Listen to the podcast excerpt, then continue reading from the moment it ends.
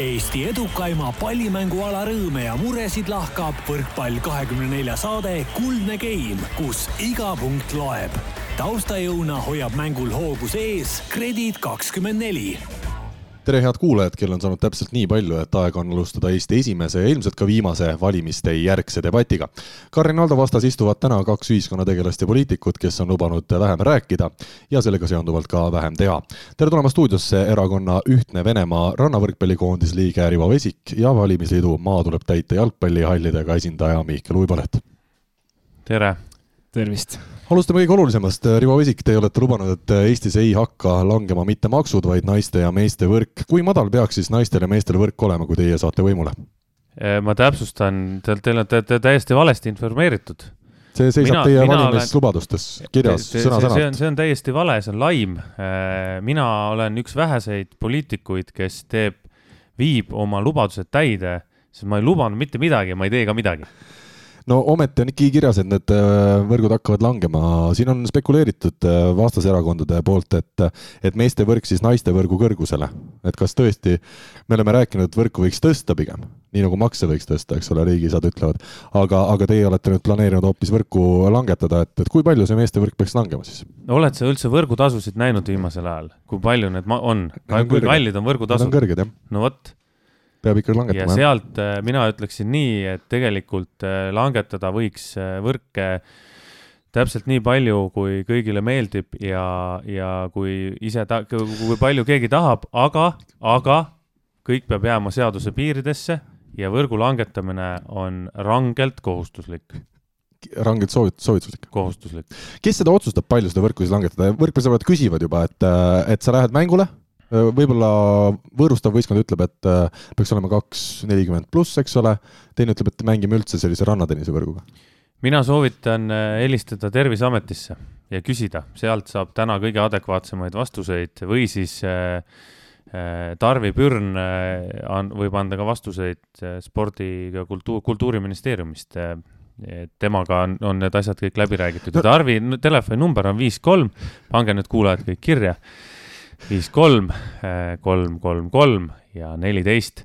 ja Karl, mina küsiksin sinu käest nüüd ühe asja. me peietame, väga vabandan siin. jah, ma teie, teie käest küsiksin ühe asja, et äh, teie olete ju seadusekuulelik sead-, saatejuht ja, ja seadusekuulelik kodanik absoluutselt, ma küll ei tea, kes, kes selles saates täna küsimusi küsima hakkab ja kes kandideerib ja, ja nii edasi, aga, aga ma ootan. laske, ma räägin, oodake, oodake.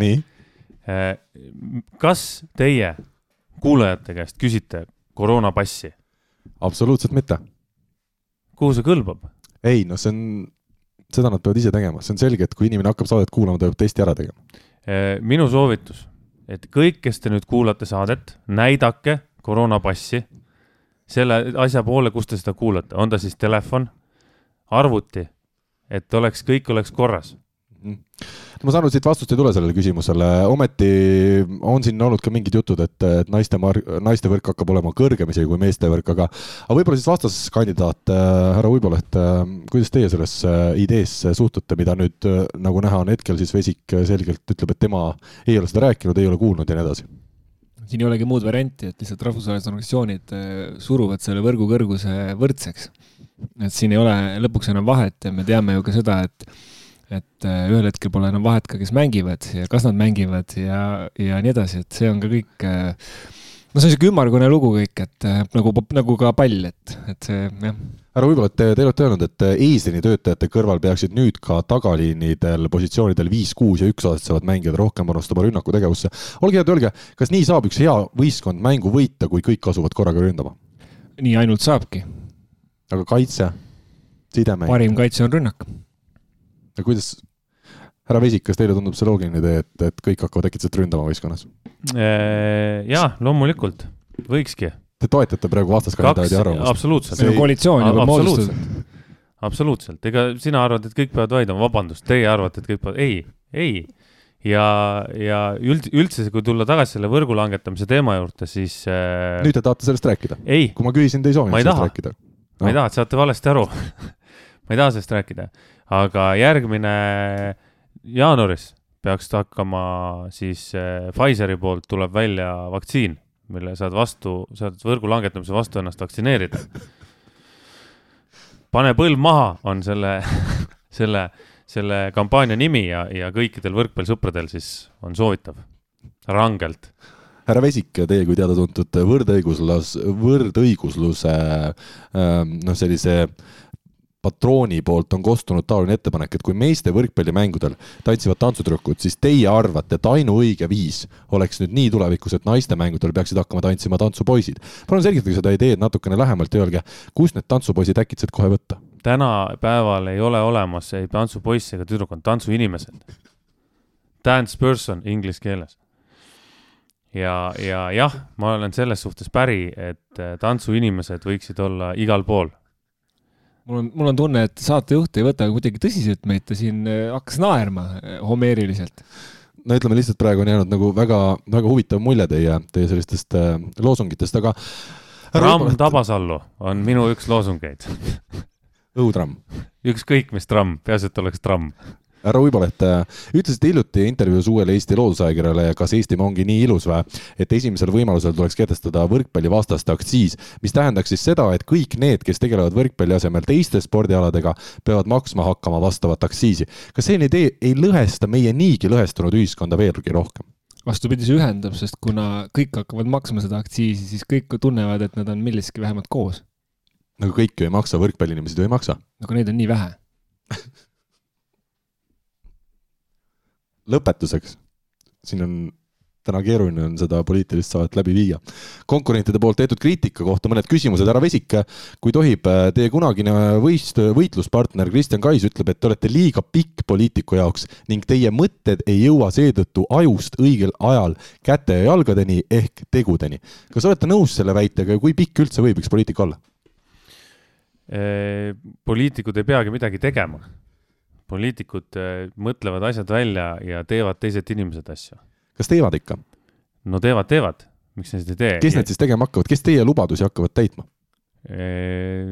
Ühed inimesed hakkavad seda tegema ja, ja. tantsuinimesed. tantsuinimesed jaa, tantsu, need tantsuinimesed, aga, aga küsimusele, kui pikk võib olla üks poliitik, see poliitik võib olla täpselt nii pikk, kui ta tahab poliitik võib olla üks päev meeter seitsekümmend, teine päev kaks null neli. Ja võib ka lubada seda, et ma homme olen kaks null kaheksa. olete ka öelnud härra Kaisile vastu, et valel on lühikesed jalad, mida te sellega silmas pidasite? ega, ega, ega ei pidanudki, see on vanasõna. Te võib-olla noorema aja meest ei tea, aga see on selline vanasõna, valel on lühikesed jalad. kas te vihjasite selle Kristjan Kaisi kasvule? ei, Kristjanil on väga pikad jalad, tal on lihtsalt keha väga väike mida ja. te naerate, ma ei saa aru. tõsised teemad härra Uibolet, lõpetuseks äh, siis teile üks küsimus veel, kas täna teie kõrval istuv Vesik on, äh, on kuuldavasti teile äh, heitnud ette, et Jalgpalliliidust tulnuna olete te hakanud noori võrkpallureid värbama mitte üksnes sünnitusmajadest, vaid juba ka rasedate naiste treeningrühmadest. kas te ei leia, et laps võiks enne esimesse võrkpallitrenni minemist olla vähemalt sündinud? ma arvan, et küsimus ei ole enam mitte nendes rasedate naiste rühmades, vaid küsimus on juba selles nagu, kui meil on inimeseõpetus koolis, siis eh, see tuleks sinna programmi sisse viia, et kui räägitakse pereplaneerimisest, siis üks osa pereplaneerimist võiks olla eh, õige spordiala valik. et see tuleb juba sinna tasemele sisse viia. aga selle, selle, selles meil on vastaskandidaat Vesikuga täielik konsensus ja nagu me oleme korduvalt öelnud, siis siis noh, see saatejuhi püüd nagu ajada kaks poliitilist jõudu nagu vastuollu, et see ei õnnestu, et meil on ammu juba enne valimisi koalitsioonileping tegelikult tehtud ja, ja peale nüüd, äh, nüüd kui on valimised tehtud, siis kohe õige-õige pea siis tulebki meie koalitsioonist sünnibki esimene Eesti õige elukool, kus siis kõiki neid tõdesid hakatakse õpetama juba, juba, juba vanaemadele vanaemadele, vanaisadele, et hakata nagu ikka selle ringiga päris, päris, päris kaugelt peale. härra Uiboleht ja härra Vesik, ma, ma tõesti südamest loodan, et keegi teid äh, valimiskasti juures äh, ei vali. aitäh sellegipoolest vastuste eest ja edu kõigis tegemistes või siis tegemata jätmistes. meie aga tänaseks lõpetame ja anname sõna edasi Kuldse Game'i saatele. kohtumiseni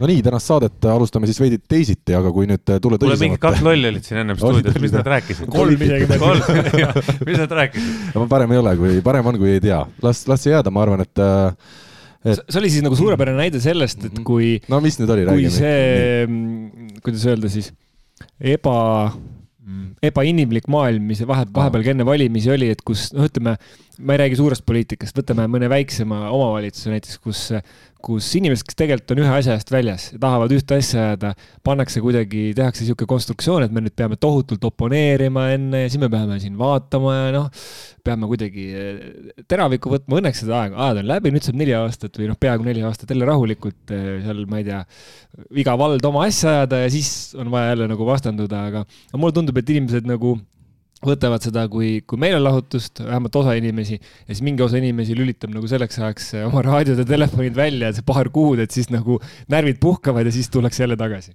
aga tegelikult on ju nii, et et kuidas sul jooksis kokku, onju, ole aus. see, olles olgem ausad. ja no ütleme, see esimene osa lihtsalt saatest oli, oli niivõrd, no ma mõtlengi, kuidas need saatejuhid, kes teevad poliitsaadet, kuidas nad suudavad teiseks jääda neid küsimusi küsides ja neid vastuseid kuulates, selles mõttes, et noh, kui sa võtadki selle. pigem just seda, jah. jah, et kui, kui sa küsidki noh, hästi konkreetse küsimuse ja siis sulle öeldakse, et aitäh küsimuse eest ja siis noh, igaüks on ju kirjutanud mingis mõttes oma jutupunktid ja siis ja. esitab need veenvalt ja esitab uuesti.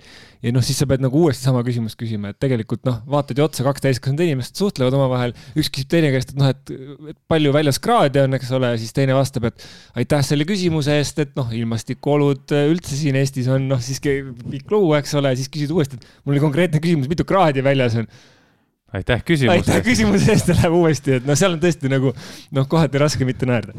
aga me alustame tänast äh, võrkpalli siis alast saadet, kui nüüd see esimene osa kõrvale jätta. sellest, et Rivo on saabunud äh, tähtis pressiteade Eesti spordimeediasse. sa oled jätkamas äh, Venemaa rannavõrkpallikoondise treenerina. ametlikult sa siis olid kaks tuhat kuusteist alates treener, aga tegelikult sa ju noh, eelkõige Stojanovskiga olid seotud palju varem, aga aga nüüd siis kuni kahe tuhande kahekümne neljanda aasta Pariisi olümpiadeni, olümpiamängudeni läheb välja. ehk siis ütleme, ütleme kokkuvõttes, kui see kaks tuhat kakskümmend neli kätte jõuab, oled sa, oled sa sihuke kümmekond aastat olnud Venemaa rannavõrkpalliga seotud, päris pikk aeg elust ikkagi. on jah, aga ei olegi mõelnud selle peale nii, jube kiiresti on nagu läinud see aeg. Aga jah, mul on selles suhtes hea meel, et nad, et nad siin usaldasid mind ikka ja saime, saime igasugused väiksed juriidilised probleemid ka lahendatud, mis vahepeal olid, et nüüd, nüüd siis ooda, ootame, ootan oma töö kuidas tööluba ja siis viisa ja siis, siis juba tööle. kas palk tõusis või langes äh...? rubla kurss langeb, seda me teame. jah, see ongi täpselt see, aitäh küsimuse eest, onju. aitäh küsimuse eest äh, ja ka selles suhtes on sul õigus, et ongi, minul sõltubki sellest, et mis see kurss tegelikult on, palk jäi samaks mm. ja, ja aga, aga sellest kursist nagu sõltub palju. kuidas see töö selles mõttes välja näeb, et palju sa oled, oled lennus, palju sa oled äh, Eestis ku,, kuidas sa, kuidas sa oma aega jagad selle, sellel perioodil? tead, ma ei teagi praegu, meil on see kogu see, Karlile eile või üle, üks, üks päev siin kirjutasin ka, et see, see struktuur on tegelikult veel täpselt paika panemata, et mina, minul on öeldud, et ma olen kahe esimese võistkonna treener aitan siis natuke kolmandat-neljandat ja koordineerin siis koos meie endise statistiku Maxiga Noorteakadeemia tööd. kui palju nüüd siis Vjatšeslav Nirka, siis see peatreener on, on kuidagi seotud, seda ma ei tea, et selle, seda ta ütles, et me räägime sellest siis, kui, kui me saame kokku. ma arvan, et ta jääb sealt ikkagi nagu füüsiliselt juurde, ta päris kontorisse ära ei lähe, et ta ei ole selline inimene, aga kuidas ja mis, et see, see on nagu, et noh, mõnes mõttes nagu natuke kõrgema koha peal, on ju, tööd tuli juurde koos selle noorteakadeemiaga, aga, aga samas nagu suurt midagi ei muutunud, et ma selle esimese kolme võistkonnaga kogu aeg nikerdasin, et minu küsimus on see, et kas see, et sa oled äh, esimese kahe paari treener, mis tähendab siis seda, et Krasilnikov, Stojanovski on ju üks nendest kahest paarist, äh, tähendab, et sina vastutad selle eest kõige rohkem, mis need kaks paremat paari nüüd järgmise, ütleme, kolme aasta jooksul teevad? Me oleme kogu aeg kahekesi vastutanud kõige rohkem, et äh, seda ei ole kunagi olnud, et keegi vastutab rohkem või keegi vastutab vähem, et, et mõlema pead on kogu aeg pakul ja. trenne viid sina läbi juba, eks ole, oled varem viinud nendel? ikka jah, ikka jah. nii et selles suhtes ei muutu nagu suurt midagi? suurt midagi, jah äh, sa mainisid Noorteakadeemiat, kuidas äh, Venemaal see rannavõrkpalli noortetöö tegemine käib, kas seal on palju neid paare, kes tegelevad aastaringselt just rannavõrkpalliga? ikka on jah, ma nüüd, nüüd kolm, kaks aastat tagasi tegi Venemaa Võrkpalliföderatsioon siis Anapasse tegi tüdrukute võrkpalliakadeemia, rannavõrkpalliakadeemia. ja nüüd siis on poiste osa ka, noh, ongi spordikool, et, et poisid on rannavõrkpallurid, kaksteist kutti on seal äkki või? ja. üle Venemaa on kokku toodud? jah, käivad, käivad kaks korda päevas trennis ja, ja koolis, nagu meil on Audentes, seal on siis, aga see on alaliidu enda tehtud, et kes seal need treenerid on, mingid endised mängijad või? ei ole, ennem oli seal üks, üks, üks vanem treener, aga nüüd ma sain aru, et see vahetati välja ja siis pandi Maksim Rojuk sinna asemele, kes siis oli meie statistik, aga, aga treenerina ta on väga hea treener, et see minu arust oli see väga õige käik, et ta, ta, ta, ta teab ja, ja ta näeb nagu võrkpalli, võrkpalli suuremalt kui lihtsalt see, et ma viskan palli ja, ja siis vaatame edasi, mis saab, et kui vanad need äh, noorvõrkpallurid seal siis on, nad on kõik kooliealised, jah? jah, keskkool põhimõtteliselt. mis Venemaal siis saab, kui keskkool saab läbi, meil on Eestis seda räägitud aastaid, et äh, et kuni gümnaasiumi lõpuni, kui sa oled spordikoolis, äh, siis on, on kõik hästi, aga äkitselt käib plaks, sa oled ellu visatud ja, ja spordiga tegelemine osade jaoks on üsna keeruline, et kas Venemaal on kuidagi lahendatud see üleminek keskkooli lõpust siis sinna päris ellu? Venemaal on, äh, on suurte meistriliiga klubide juures äh, on kohustus, et peavad olema ka rannavõrkpalliklubid. ja siis nende rannavõrkpalliklubidesse nad liiguvad, et neid superliiga klubisid on seal ju palju, on ju, ja, ja siis on veel eraldi mingid omaette rannavõrkpalliklubid, aga noh, need on, need on nii ja naa, et nad, need väga-väga hästi ei toimi, et äh, aga jah, superliiga klubide juures, et sinna palga peale saavad ja. aga superliiga klubide juures ei ole ju alati rannavolle halle? ei olegi. kuidas nad siis rannavõrkpalluritena seal igapäevaselt tegutsevad no,? ega ju tegelikult mingid klubid on ju sellised, kes on äh,. ainult suvel või? ei äh,, mitte ainult suvel, aga, aga mingid klubid on ju ka sellised, kelle, kelle linn on, on ju, ma ei mäleta, kas see oli mäletad, Novos, mitte Novosibirsk või Novorogovi Fakel, kes tegelikult treenis Moskvas. Noh. klubi on Moskvas, Peterburis ja kus seal, seal, kus saalid on, et sinna nad nagu on pandud, nüüd Kaasanisse ehitati saal, et neid tuleb järjest juurde. palju on Venemaal rannavalle halle? oi kurat, ma ei tea, vabandust aga ikka mitukümmend? jaa, ikka, ikka jah, ikka jah. aga kas selliseid, ütleme, Eestis on tehtud kaks halli tänaseks, ütleme lisaks Nõole, kui ma jah, no ma mõtlen Harjumaale siin viimase ütleme siis viie aasta jooksul. ja nii Teras kui ka Ülemiste paistavad ikkagi silma sellega, et nad näevad ka tõesti ilusad välja. Äh, kas Venemaal on ka jõutud nii kaugele või on need rannahallid sellised lihtsalt, kus liiv tolmab ja, ja on seinad püsti ja, ja saab mängida, aga mingit sellist ilufaktorit? Äh, ei, seal on puhas sport. puhas sport. ei, ei tegelikult nüüd kaks, kaks, üks, üks Moskvas on, mis näeb täitsa, on täitsa okei okay.. täitsa okei okay. kus kannatab, kannatab Instagrami pilte ka teha? jah, kannatab jah. ometi sa ei ole teinud ma ei ole käinud seal kusjuures, ma olen, ma olen ainult Instagrami pilte pealt näinud.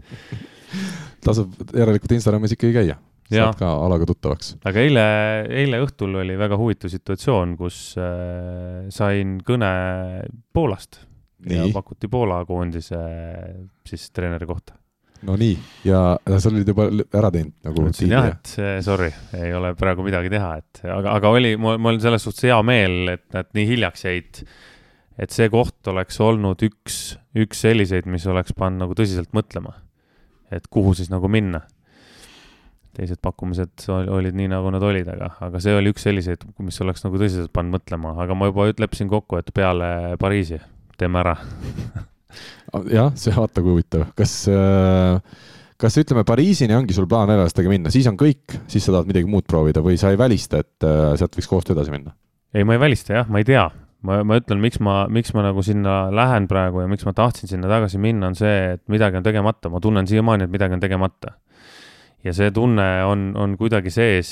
Eh, ja, ja sellest on vaja kuidagi lahti saada, et mingi hetk ta lihtsalt kaob ära ja siis, siis sa saad aru, et on aeg muutuseks, et on aeg midagi muud teha Mihkel, mida sina, vaatan kurvad silmad, sa sedasi mõtlikult kuulad siin Rivo juttu, mida sina arvad sellest äh, Rivo järgmisest kolmest aastast nüüd siis äh, Venemaa rannavalvekoondise eesotsas, kuidas nendel meestel minema hakkab? see on üks huvitav lugu selles mõttes, et ega palju neid, äh, palju neid treenereid on, kes on välismaal, on see siis koondiste või klubide juures ja eks see ju sai ka kõva kõlapinna, kui, kui Rivo siin eelmine tsükkel väga hästi lõppes ja, ja, ja noh, nii tulebki tunnustada inimesi, nagu ka, ka riiklikult ju seda märgati. Aga noh, nagu ka Rivo jutust oli aru saada, et siis ega see töö nagu lihtsamaks ei lähe ja ta läheb veel nagu laiapõhjalisemaks, et see vastutus tuleb juurde, et eks ta, eks ta kõnnib ju sellist rada, mida ükski eestlane pole kunagi käinud ja see süsteem on nagu mul meie jaoks nagu hoomamatum ja need, need võimalused ja võib-olla ka see noh, nagu ootus tulemustele on selline, mida me ei hooma siin.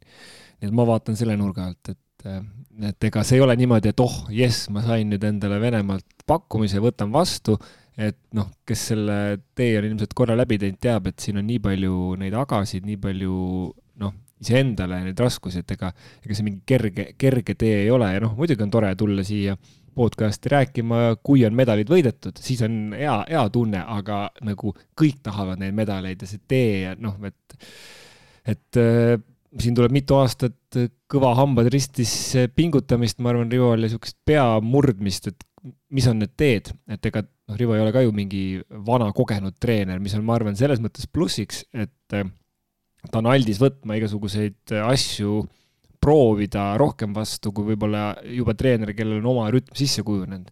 Et ma, ma ootan eelkõige seda, et ei noh, kuidas öelda, edu saavutavad üldiselt ju need inimesed, kes ka spordis, kes mõtlevad välja midagi uut, et kui sa kopeerid olemasolevat äh, vana mingit süsteemi, siis jah, sa mingi ajani võid, aga, aga noh, sa üldiselt, kui sa, kui sa saavutad mingisuguse kasvõi väikse äh, uue idee või uue revolutsiooni nii-öelda teed või, või lähene natuke teistmoodi kui vastased, leiad mingisuguse grammi jälle edasi, et siis siis jah, aga muidugi omaette on hea on, kuna tegemist on Venemaaga, siis, siis mina tahaks ära unustada igasuguse, igasugused nagu poliitilised taustad siin, et sport on sport ja, ja Eesti mees on, on Eesti mees seal, et unustame need ära, aga, aga noh, tögamise mõttes võib muidugi küsida, et noh, et kas siis läheb Venemaa või läheb Venemaa olümpiakomitee koondis välja või noh, mingid siuksed asjad. aga, aga noh, sisu on sisu on selline, et hoiame pöialt, vaatame, aga, aga noh, nagu kerget seal küll midagi ei ole.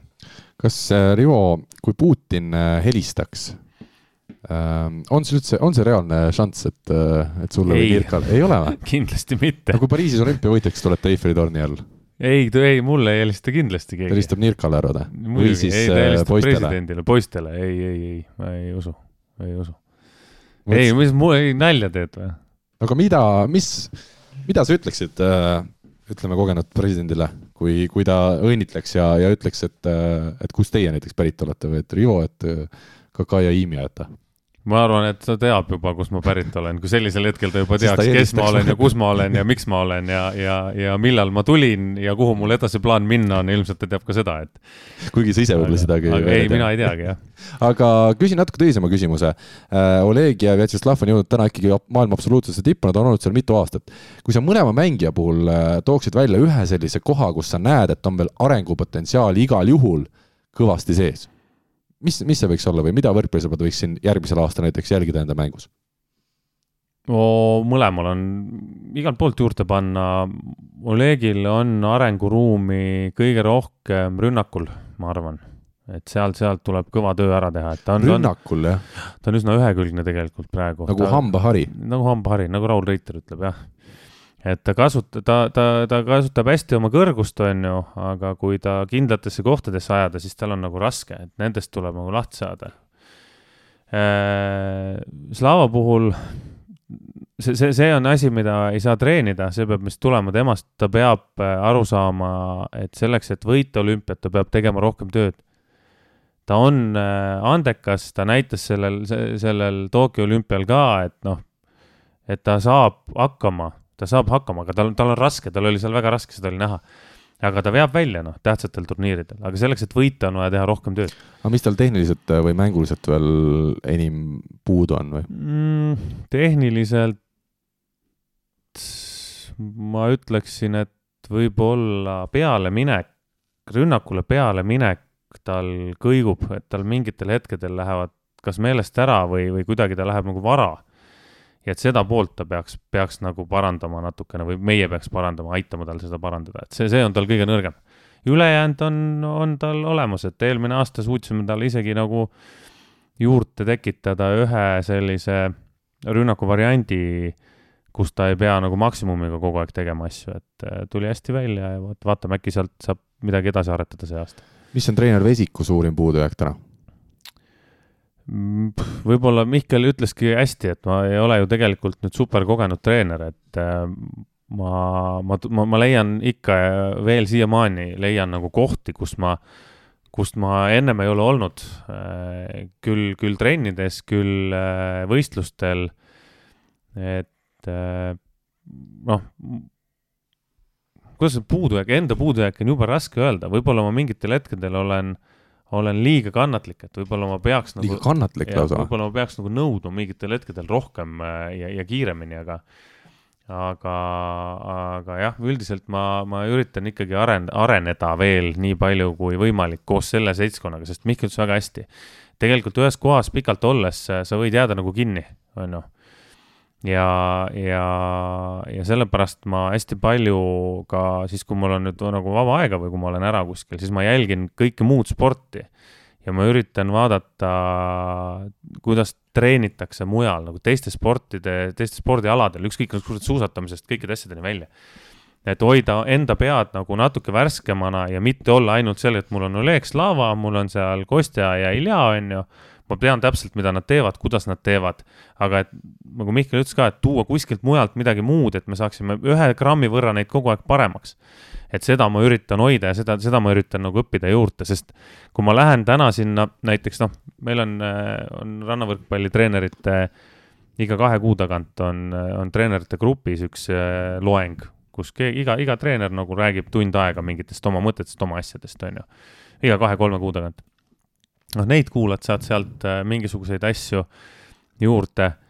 Äh, aga need mõtted on üldiselt samad ja kui mina näiteks lähen äh, praegu kasvõi FIVB treenerite mingisugusele esimese või teise taseme koolitusele, on ju, siis tegelikult need, see seltskond, kes need tipus seal treenerid on, nende mõtted on hoopis teisel tasemel, et ma kuulan selle ära, aga minule ta nagu suurt juurde ei anna mingit sellist asja, et oh, kurat, et see on tegelikult jumala hea idee, et kuidas nagu jalgu liigutada või käsi liigutada või kuskilt midagi edasi minna, et ta nagu suurt mulle juurde ei anna.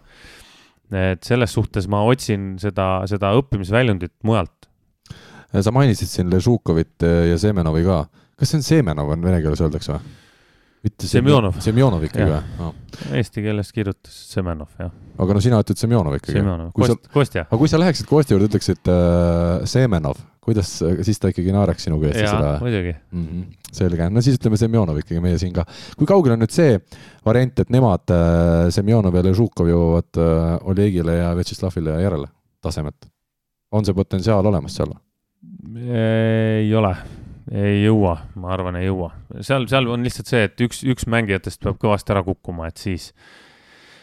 Täna on Oleg juba parem kui Kostja blokeerija kui ka üldmängus on ju ja, ja noh. Slava Vjatšeslav on, on, noh, ta oli olümpia parim kaitsemängija, et kaitsemängus on ta, ongi kõige parem noh, maailmas põhimõtteliselt täna, et. Mainid... sinna on raske, raske jõuda, jah. sa mainisid, sa oled liiga kannatlik äh, kas sul seda, seda ikkagi ei tule ette, et sa lähedki mingil hetkel, sa oled liiga pahaseks trennis äh, meeste peale, lähed närvi, sa suudad olla üsna siis selline alal hoidlik äh, trennide ajal, sest noh, mängijana me teame sind, sa mingil hetkel võisid ju pahasti öelda paarilisele küll, et äh, kas treenerina oled sa suutnud seda vähendada? ja, ja, ja kindlasti jah, ma, mul on, ma ikka lähen närvi küll trenn, trennides aeg-ajalt jah no mingi hetk, äh, kui hakatakse päris lolli mängima, siis äh, eks ma olen lõpetanud trenni ära ka niimoodi, et äh, esimesed nelikümmend minutit soojendusel, kui näha on, et tüübid väga ei taha ja, ja loivavad seal ja tehnilist praaki on nii palju, siis ma olen öelnud, et davai, et minema või siis Pavel Vladimirovitš, meie füüsilise treener ootab teid jõusaalis, et palun lähme teeme seal edasi, et pallidega täna ei tule midagi välja. et, et igast, igasuguseid olukordi on ette tulnud, aga ma pigem mõtlen nagu äh, pigem mõtlen nagu kannatlikkust selle protsessi koha pealt, et, et see protsess, paremaks saamine, protsess ja progress on ju, et seal ma võib-olla ootan mingisuguseid asju liiga pikalt, et ma, ma näen, et ma saaksin natuke rohkem forsseerida mingisuguseid olukordasid, et hakata no noh, ühe, ühele tehnilisele elemendile siis teist juurde panema et see üks saada paika kiiremini ja teist juurde panema, siis ma võib-olla mingitel hetkedel ootan liiga kaua, noh ja see, see kaua ootamine on niisugune, ütleme, pooleteist kuu asemel kaks kuud, on ju, et see ei ole, me, me ei räägi sellest, et ma ootan viisteist minutit või, või, või kaks tundi, et see on ikkagi pikk protsess. aga et ma saaksin tegelikult forsseerida ja kiirendada neid. Mihkel, kas me kiirendame tänast saadet ja läheme edasi või on sul veel sel teemal mõni küsimus? Lähme edasi. võtame ette tänase saate esimese põhiteema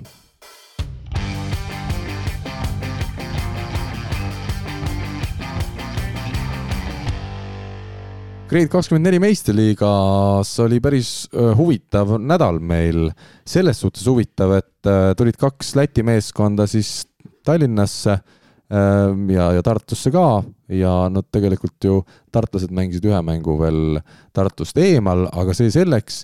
lõpptulemus siis see, et nii Riia Tehnikaülikool Jurmala kui ka Jelgava Beolars said siis nii Selverilt kui ka Tartu Bigbankilt null kolm kaotuse ja läksid äh, Lätti tagasi ikkagi ütleme kindlate allajäämistega me oleme seda rääkinud ka sel hooajal, aga, aga ikkagi me oleme saanud üha rohkem kinnitust, et Läti klubid sel hooajal ei Riia Tehnikaülikooli Jurmala, ei Taugapils ega ka Jelgava Biolars vist meie võistkondadele küll vastu ei saa, kui keegi üldse saab, siis see on see Jekapilsi Luusi valitsev meister.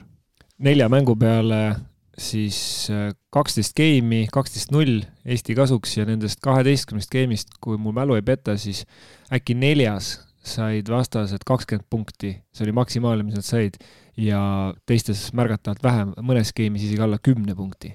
ja noh, teame ju, et äh, ei äh,, jah, seal, seal mõnes skeemis Selveril oli RTU-ga, äkki teises skeemis oli äh, oli natukene tihedam või oli see kolmandas, et ma käisin küll seda mängu ka vaatamas, aga aga seda kulgu enam ei mäleta, et seal oli nagu mingil hetkel RTU oli alguses nagu ees, aga aga jaa, nüüd seda, noh, Belarussi mängu ma kohapeal ei näinud, aga RTU-ga Selveri mängu nägin, et seal mängus oli minu meelest näha ka seda, et noh, tegelikult mõlemal poolel on ju suhteliselt noor võistkond, aga RTU poolel, kui ma vaatasin ka pärast sünniaastaid järgi, siis ma sain kinnitust, et seal ikkagi oli päris mitu meest, kaks tuhat, kaks tuhat üks, kaks tuhat kaks sündinud, minu meelest ka just põhikoosseisu mängijad, et seal oli jah, ka mõni oli üheksakümmend kaks sündinud, aga nad olid nagu nõksu nooremad kui kui Selver, seda oli ka tunda, et natuke sellist nagu lihvimata seal see, see asi oli. Selver mängis muidugi hästi, selles mõttes, et ega vastane, vastane vastaseks, aga seal noh, ma ei tea, kõik, keda, keda iganes seal, keda iganes seal nagu võtta ja esile tõsta, et Oliver Orav loomulikult väga, väga võimas, väga emotsionaalne, väga selline noh, nii nagu, nii nagu peab olema, serv äh, lõi, ma nüüd numbreid ei vaadanud, aga lihtsalt see, see mulje ka, mis seal oli, et nüüd, kui ma numbreid vaatan siin, siin paralleelselt, siis kolm ässa Oravalt äh, ja Nuudilt ka kolm ässa, et mõlemad, mõlemad mängisid tegelikult väga hästi, et no nii, nii see oli ja seal nagu mingit kahtlust ei, ei tekkinud, et vahepeal seal natuke aeti see asi põnevamaks, ega RTU-l on paar meest päris ma nüüd jälle nimed, nimed jään võlgu, aga paar meest päris sellised, sellised korralikud ja, ja kui nad nagu mängu natuke käima said, siis oli, oli korraks oli huvitav ka, aga aga seal seda lihvimatust oli näha nagu oluliselt ikkagi rohkem, et Selveri mäng sujus jah, ja võib-olla kõige jah, niisugusem kõige suurema selle kaika hoopis äh, mängu äh, lõpetamise kodarasse mm, viskas hoopis tehnika mingil hetkel, kui umbes viieks minutiks mäng äh, seisma jäi, sellepärast et see vähemalt nii öeldi läbi mikrofoni siis publikule, et siis see võistluste, või see elektrooniline protokoll, millega siis mängu hallatakse, et see jooksis kokku ja tehti siis restart, ma ei tea, kas arvutile või, sellele süsteemile ja siis sai, siis sai mänguga jätkata, samal ajal siis mehed juba hakkasid palliga sooja tegema, et, et naljaga pooleks, et see oli, see oli kõige tõsisem oht Selveri võiduteel. mis on minu arust, äh, kui sa mainisid siin ründamängijaid äh, ikkagi sel aastal esile tulnud, et Renat Vanker on selgelt äh, Eesti klubidest parim sidemängija, et ikkagi oma tõsted igale poole nurkadesse, temposse ilusasti jaotab laiali ja, ja teeb seda stabiilselt hästi, et et äh, Reneti arengu üle on hea meel ja mulle tundub, et kokkuvõttes see koondise suvi tuli talle ka ikkagi kasuks, kuigi äh, EM-il ta sisuliselt oma võimalust ei saanudki. no igal juhul tuli kasuks jah, kui sa saad sellises seltskonnas juba trenni teha, siis äh,, siis, siis ta peab kasuks tulema, et kui, kui, kui kasuks ei tuleks ja mäng edasi areneks, siis oleks midagi väga valesti. Noh, jah, rääkides Läti klubidest, siis, siis tõesti, Lätist on ju nüüd see aasta peale EM-i läks välismaale palju mängijaid, viis või kuus või? no igatahes neid kokku on seal pea kakskümmend juba, ehk siis sel aastal peaks olema siis äh, Läti mängijaid välismaal äh, rohkem kui Eesti mängijaid mehis mm,. jah, noh, see oleneb jälle, kus nad mängivad, on ju, aga, aga point on see, et eelmisest, eelmise aasta Läti võistkondadest, kes eelmine aasta mängisid, mängijad vist oli kuus tükki, kes läksid ära nüüd see aasta, midagi sellist. Äh, üsna väike number, et võistkonnad nii kõvasti ära kukuksid okei okay,, seal üks võistkond on päris noor, on ju, kus äh, Lauris Jetselneks on treener. Jelgava, jah. Jelgava on päris noor. jälle väga kiiduväärt mõte, et, et iseenesest Eestis ju võiks kasvõi ka viies võistkond olla selline, kus on päris noored, on ju.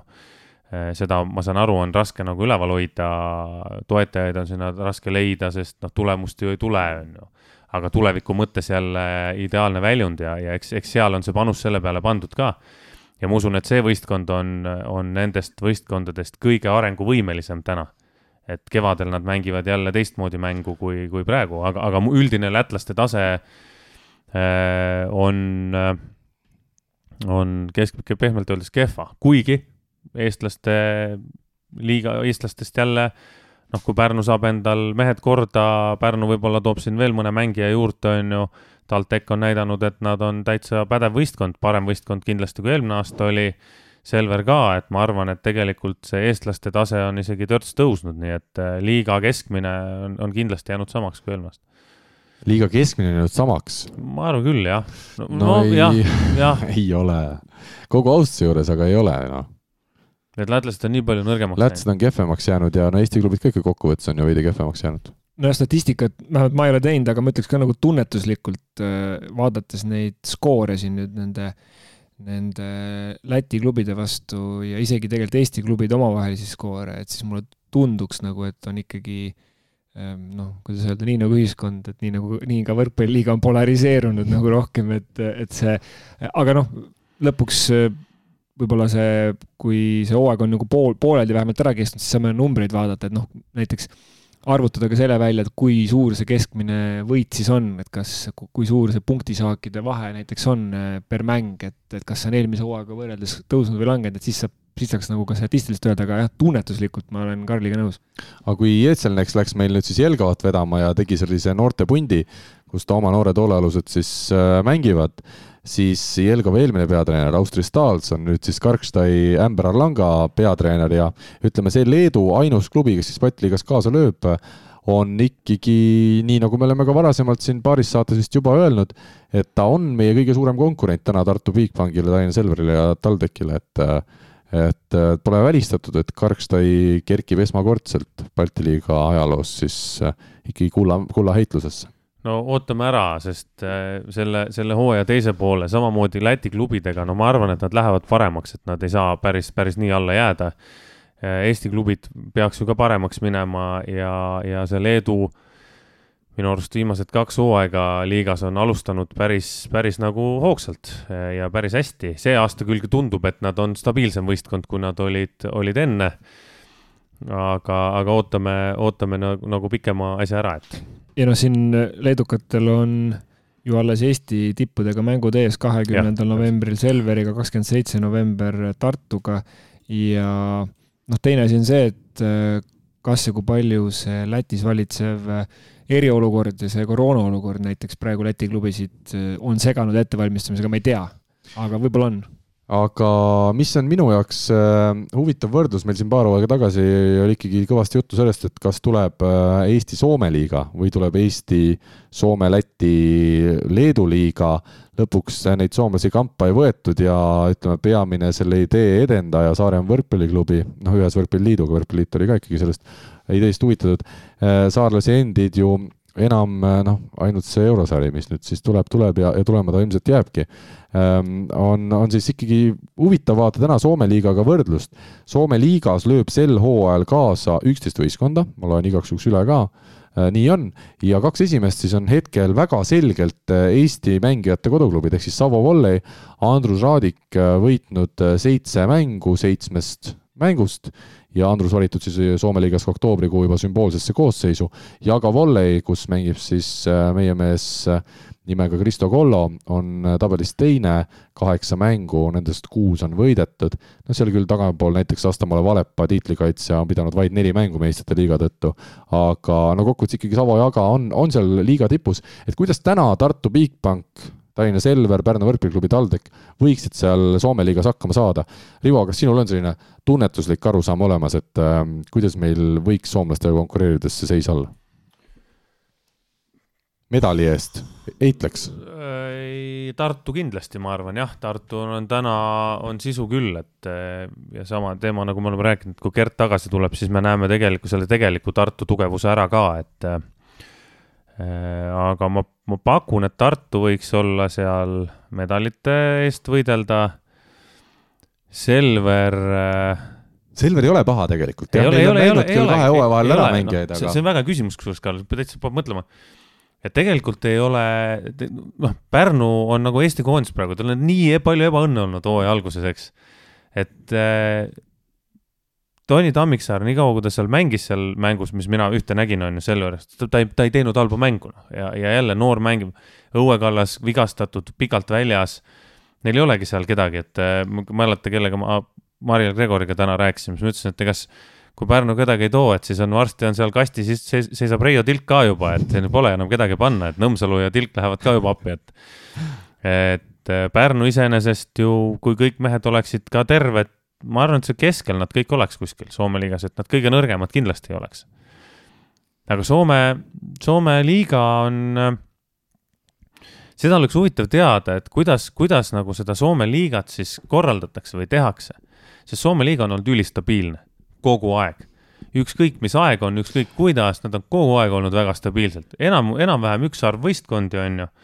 ja, ja, ja ikkagi põhi, need võistkonnad on olnud kogu aeg olemas no aga seal on see kogukond taga, millest me oleme selles saates siin ka juba viimastel kordadel eriti palju rääkinud äh, seoses äh, Mihkli kaasatulemisega, et äh, soomlastel ongi tekkinud lihtsalt need kogukonnad, kus need klubid on stabiilsed ja, ja see vundament ja need sambad, millel need klubid seisavad, need on nii hästi üles ehitatud, et, et seal ei, ei ole väga ohtu, et isegi praeguses näiteks koroonaviiruse kriisis midagi olulist vist võiks juhtuda, et seal on selles suhtes asjad lähevad paremini tehtud. Äh, jah, noh, aga, aga täpselt minu, minu jaoks oleks huvitav teada seda, et see kogukonna teema on ju, et kas, kas seal on on siis kuidagi teistmoodi see, kui meil on, et meil on. Äh, see on vist aega rohkem läinud on.... mingi võrkpalliklubi mänedžer, kes on, äh, kes tegeleb mingisuguste asjadega ja nii edasi, võib-olla see on jah, point, et seal ongi võib-olla sellest ajast, kui meil oli veel Vene aeg, on kogu see asi hakanud kasvama ja kasvama ja kasvama, et nad on ilmselt seal kahekümne, kolmekümne aastaga ees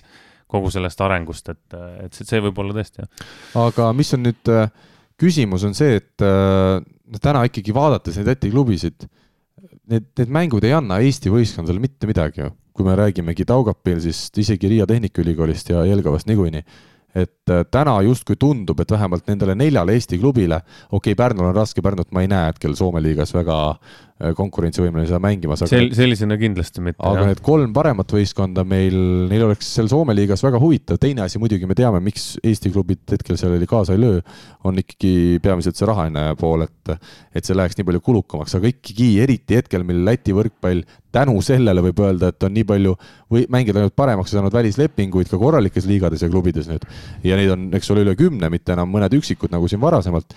et tänu sellele tekib see küsimus, et kas soomlaste ikkagi ikkagi mingisugust varianti, see ei pea olema läbi hooaja, see liiga, aga et kas või november, detsember näiteks mängitaks mingisuguste Soome klubidega läbi mingisugune näiteks tiitel Eesti-Soome parim võistkond, et et täna mulle tundub, et ainsad mängud, mis on siin huvitavad hooaja esimeses pooles ja millel on ka sisuline äh, nagu mõte, mis mängudel on sisuline mõte, on karikavõistluste siis poolfinaalid ja, ja finaal. et need liigamängud, noh kõik pääsevad niikuinii meil play-off'i, kõik on seal ilmselt play-off'is nelja parema seas veel ka tugevamatest ja ja alles ütleme siis veebruar ja, ja märts läheb huvitavamaks. no arvestades seda hetkeseisu, siis kindlasti oleks huvitav, nagu sa ütlesid, sportlikult, aga ma ütleks, et noh, lühikeses perspektiivis tuleb ka leida lahendusi muidugi, aga pikas perspektiivis ikkagi oma liiga, oma võistkondade arv võimalikult suur ja et oleks oma võistkondade vaheline konkurents võimalikult suur, ehk siis ma tahan öelda, et mitte neli võistkonda, vaid võiks olla rahulikult kaheksa võistkonda. Ja see võiks olla ambitsioon vähemalt, et, et alguses kuue peale tagasi, siis kaheksa peale, ma ütleks ka tagasi, sest kunagi oli ju kaheksa samamoodi. et, et see, see oleks üks asi, aga, aga ma annan aru endale, et sealt võib-olla kõik jah, soomlastega ei, ei mängi, aga, aga noh, võrkpallis need noh, süsteemid ka vahelduvad võib-olla rohkem kui, kui teistel spordialadel, aga ehk siis sellist atraktiivse formaadi leidmise vastu ma küll, küll kuidagi ei ole, et, et leida seal mingisuguseid mingisuguseid mänge, sest noh, tippklubidel seda, seda väljundit äh, jääb siin, aga, aga ma tahan öelda, et ikkagi lõplikult selle meie taseme määrab ära see liiga keskmine tase, mis meil siin kodus on. Ja kui see ei arene, siis nagu ähm, noh, nii-öelda kui me ajame seda nagu püramiidi järjest nagu seda tippu järjest teravamaks, teravamaks, aga see püramiidi nagu laius kahaneb, kahaneb, kahaneb, siis lõpuks pole see mitte püramiid, vaid üks väike tornikene ja siis ta ei püsi enam nii kindlalt seal ja siis noh, lõpuks ega sellel ühel klubil või, või ühel või kahel, ütleme heal klubil, võtame praegu Tartu ja, ja Selveri näited on ju, et, et, et neil ei ole noh, neil peab olema, kellega mängida ja, ja noh, ehk siis, ehk siis lühike lahendus ja pikk lahendus peaksid mõlemad olema, et aga pikk lahendus, ma ei näe nagu muud varianti kui noh, sarnaselt Soomele, et Soomel on muidugi pikem traditsioon, ma arvan, et seal on harrastajate number märgatavalt suurem.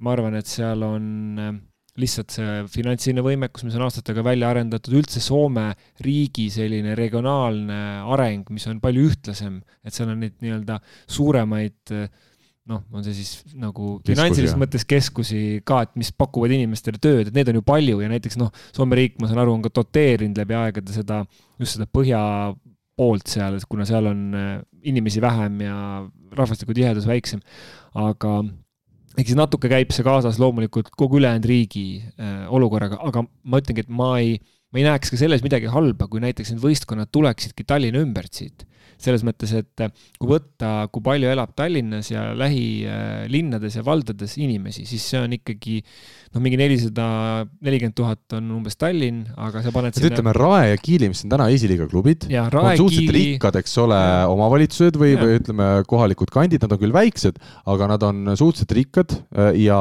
neil on ka võrkpall mõlemas nagu au sees. absoluutselt, miks mitte Keila, ka üle kümne tuhandene linn äh, siinsamas, Saue, Saku siis äh, Maardu, sellised kohad, kus äh, Maardus on ka vist kunagi olnud, mul tuleb ette võrkpallisats am, am, ammustel aegadel, aga mm, aga noh, et need kohad tegelikult, see potentsiaal ära kasutada, et ja nagu noh, kui me võtame Tallinnat, Tallinn on ju tegelikult nii suur, et äh, siin on äh, noh, üle nelja korra rohkem inimesi kui Tartus, et siin võiks olla nii-öelda, kui me peame normaalseks, et Tartust on üks sats, siis Tallinnast võiks rahulikult neli-viis olla. et jällegi regionaalse katuse mõttes see ei ole nagu hea, sest et on huvitav mängida mitme linna vahel, aga ma just mõtlen ressursi kasutamise mõttes, et kui suudab panna kolmekümne tuhandega Pärnu välja võistkonna ja saja tuhandega Tartu, siis Tallinn võiks suuta vabalt mitu tükki välja panna, ehk siis ehk siis ma ei näe nagu selles midagi katastroofilist, et ma toon jälle jalgpalli näited, et äh, tuntud jalgpalli, jalgpalliriik Uruguay,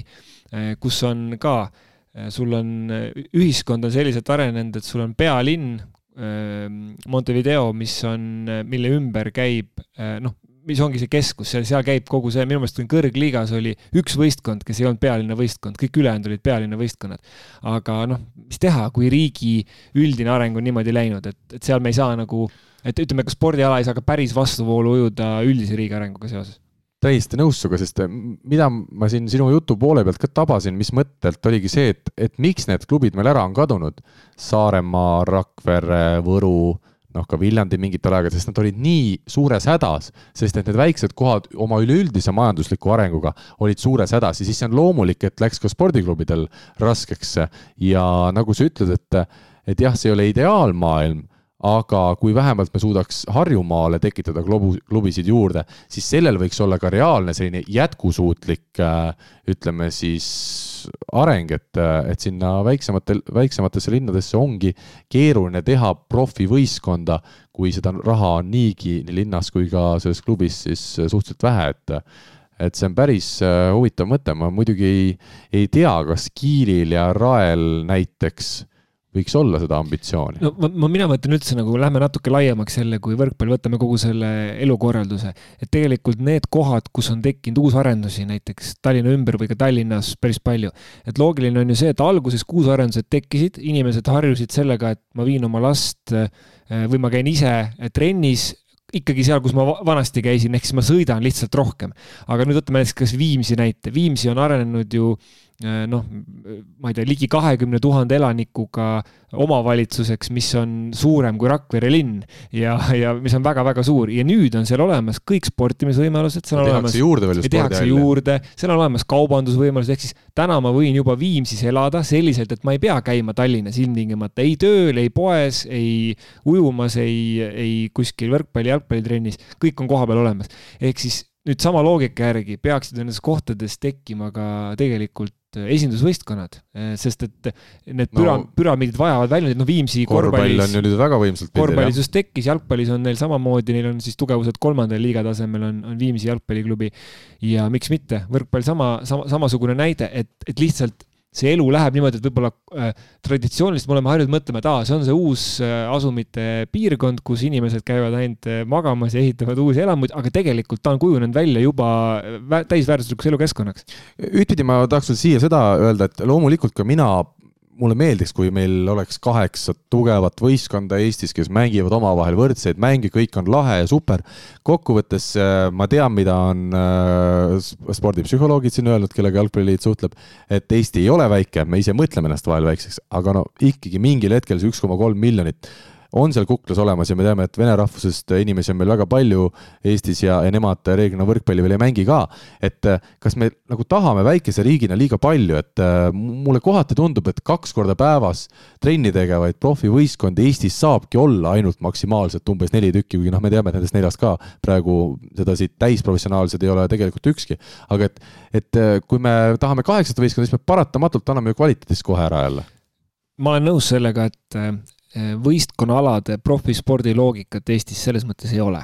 ma olen sellega täiesti nõus, et sest kust, eh, kust see loogika tuleb teistes riikides? üldjuhul on eh, piletitulu ja teleülekanded on jalgpalli näitel, kust saadakse väga suur hulga raha. loomulikult on ka sponsorid, loomulikult on omavalitsused ja nii edasi, nii edasi aga neid kahte asja meil ei ole, meil ei ole sellist teleturgu nagu võtad siin, ma ei tea, Saksamaa, noh, Saksamaa no, hea näide on see, et Eesti Võrkpalliliit maksab ise kinni kõik telemängud, mis meil sel hooajal äh, Grade kakskümmend neli meistriliigas mängitakse no,, nii juba mitmendat hooaega. just, ja mitte, mitte siis niimoodi, et klubid saaksid, eks ole, raha kuskilt, et keegi, keegi ostaks need õigused, on ju. et ähm, jaa, see on, noh, see on nagu ütleme, teema, et ma arvan, et siin see, see võiks olla, noh, siin on nüüd jällegi laiem, me läheme väga laiaks äh, rahastamise küsimusega, me oleme rääkinud, et need nii-öelda sambad võiksid olla omavalitsus, erasektor, aga samamoodi nüüd on, noh, tegelikult on see ka riiklik küsimus natukene, et, et kui me, riik toetab tippsporti äh,, tahab, et oleks tippsport, aga võistkonnaalad ütleme, profiliigad on selline noh, see on natuke selline, natuke ei kellegi maa, et ma arvan, riik toetab rahvuskoondisi väga hästi ja seda on näidanud äh, nii ettevalmistustoetused kui ka samamoodi need toetused, kui on finaalturniirile keegi jõudnud, seal ei ole küsimust.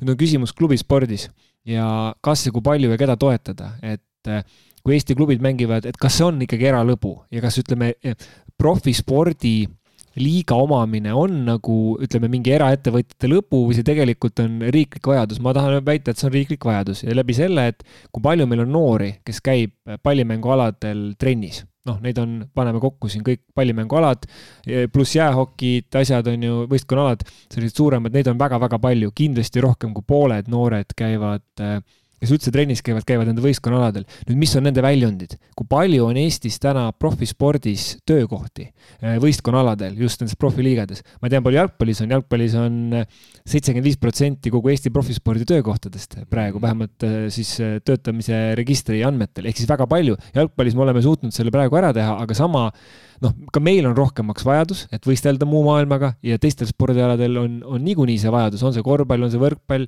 noh, minu poolest kasvõi, kasvõi käsipall ja, ja jäähoki samamoodi, kes, kes ei ole nii suured praegu, aga miks mitte, võttes selle, et Lätis on jäähoki väga suur. ja ma olen nõus, et kuskil on seal ka piir ees, et kui palju näiteks ühes riigis on noh, nii-öelda küsid ka, et üks koma kolm miljonit, et piir tuleb ette.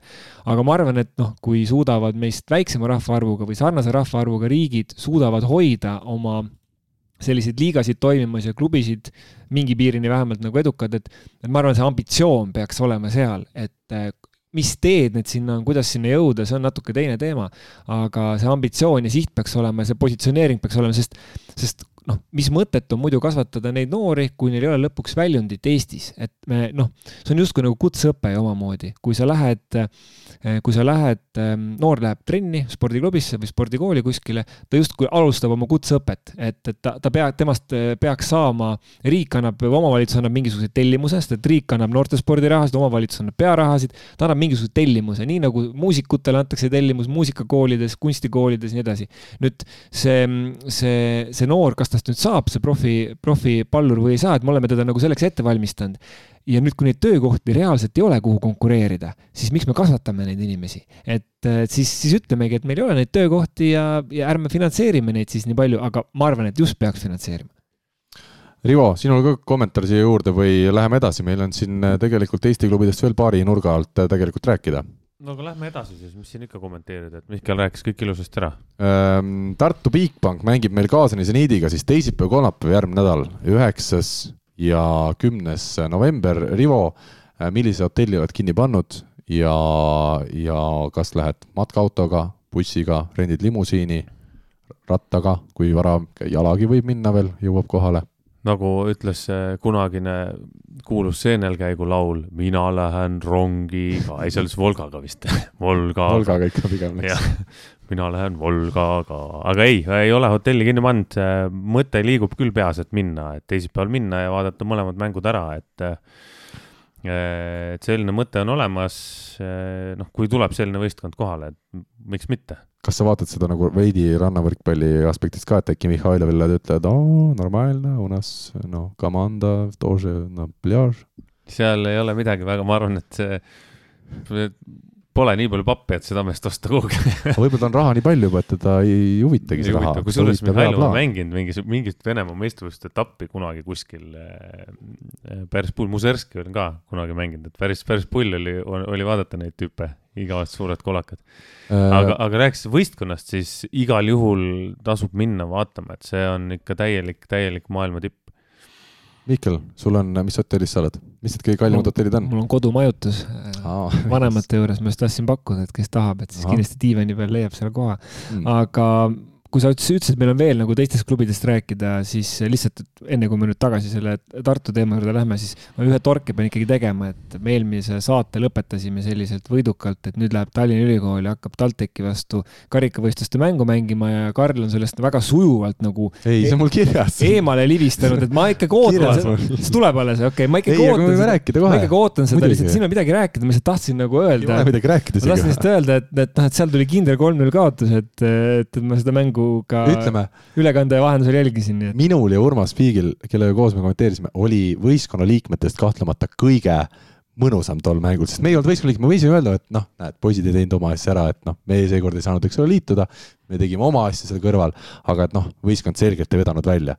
et aga ma ei tea, mis vabandused noh, mängijatel on, et ega, ega ei olnudki, aga tegelikult. ma ootasin, et millal sa ikkagi. vaatasid seda mängu? muidugi, ma ootasin, millal sa klapid peast võtad ja sinna väljakule tuiskad, et, et seda, seda hetke kahjuks ei tulnud, et aga lihtsalt noh, kuna me siin nagu eelmine saade ennustasime natuke, et kuidas see mäng võib minna ja nii ja naa, et siis mul siin seda mängu vaadates tekkis küsimus, et me natuke ülehindasime Tallinna Ülikooli taset. ütlesin, mina vist ütlesin umbes kahekümne punkti juurde saavad igas no, game'is. jah, kaheksateist, kaheksateist kaks viimast game'i, aga kolmteist esimene game ja need kaheksateist ja kaheksateist olid ikkagi selle pealt, et noh, seal, seal oli vahe sees nagu. oli jah. et noh, nii võimsuselt kui kiiruselt kui kõigelt, et seda oli üpris kiiresti seal mängus näha, et me natuke seda, selles mõttes oli väga hea seda mängu näha, et mis see vahe tegelikult on ja see vahe oli selge, see vahe oli sees ja noh, nüüd me võime selle ära lõpetada, selle Ei, diskussiooni, et kas esiliiga tipud saavad eh, meistriliigale vastu. seda küll jah, sellega me võime küll tõesti tõmmata joone alla. mis oli kõige suurem vahe kahe võistkonna vahel? Mihkel, kas sina panid tähele?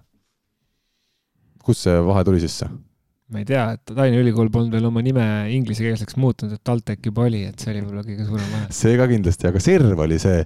TalTech lõi lihtsalt servi, millega Tallinna Ülikool ei saanud hakkama. tõsi, tõsi. ja vastupidi, Tallinna Ülikooli, eks ole, toredad, kõik on toredad mehed seal, ma ütlen ausalt, väga vahva võistkond. aga no servida ikkagi paljud mehed lihtsalt ei oska veel. aga miks, aga küsimus, küsimus on, esimene küsimus, miks ei saanud nad selle serviga hakkama?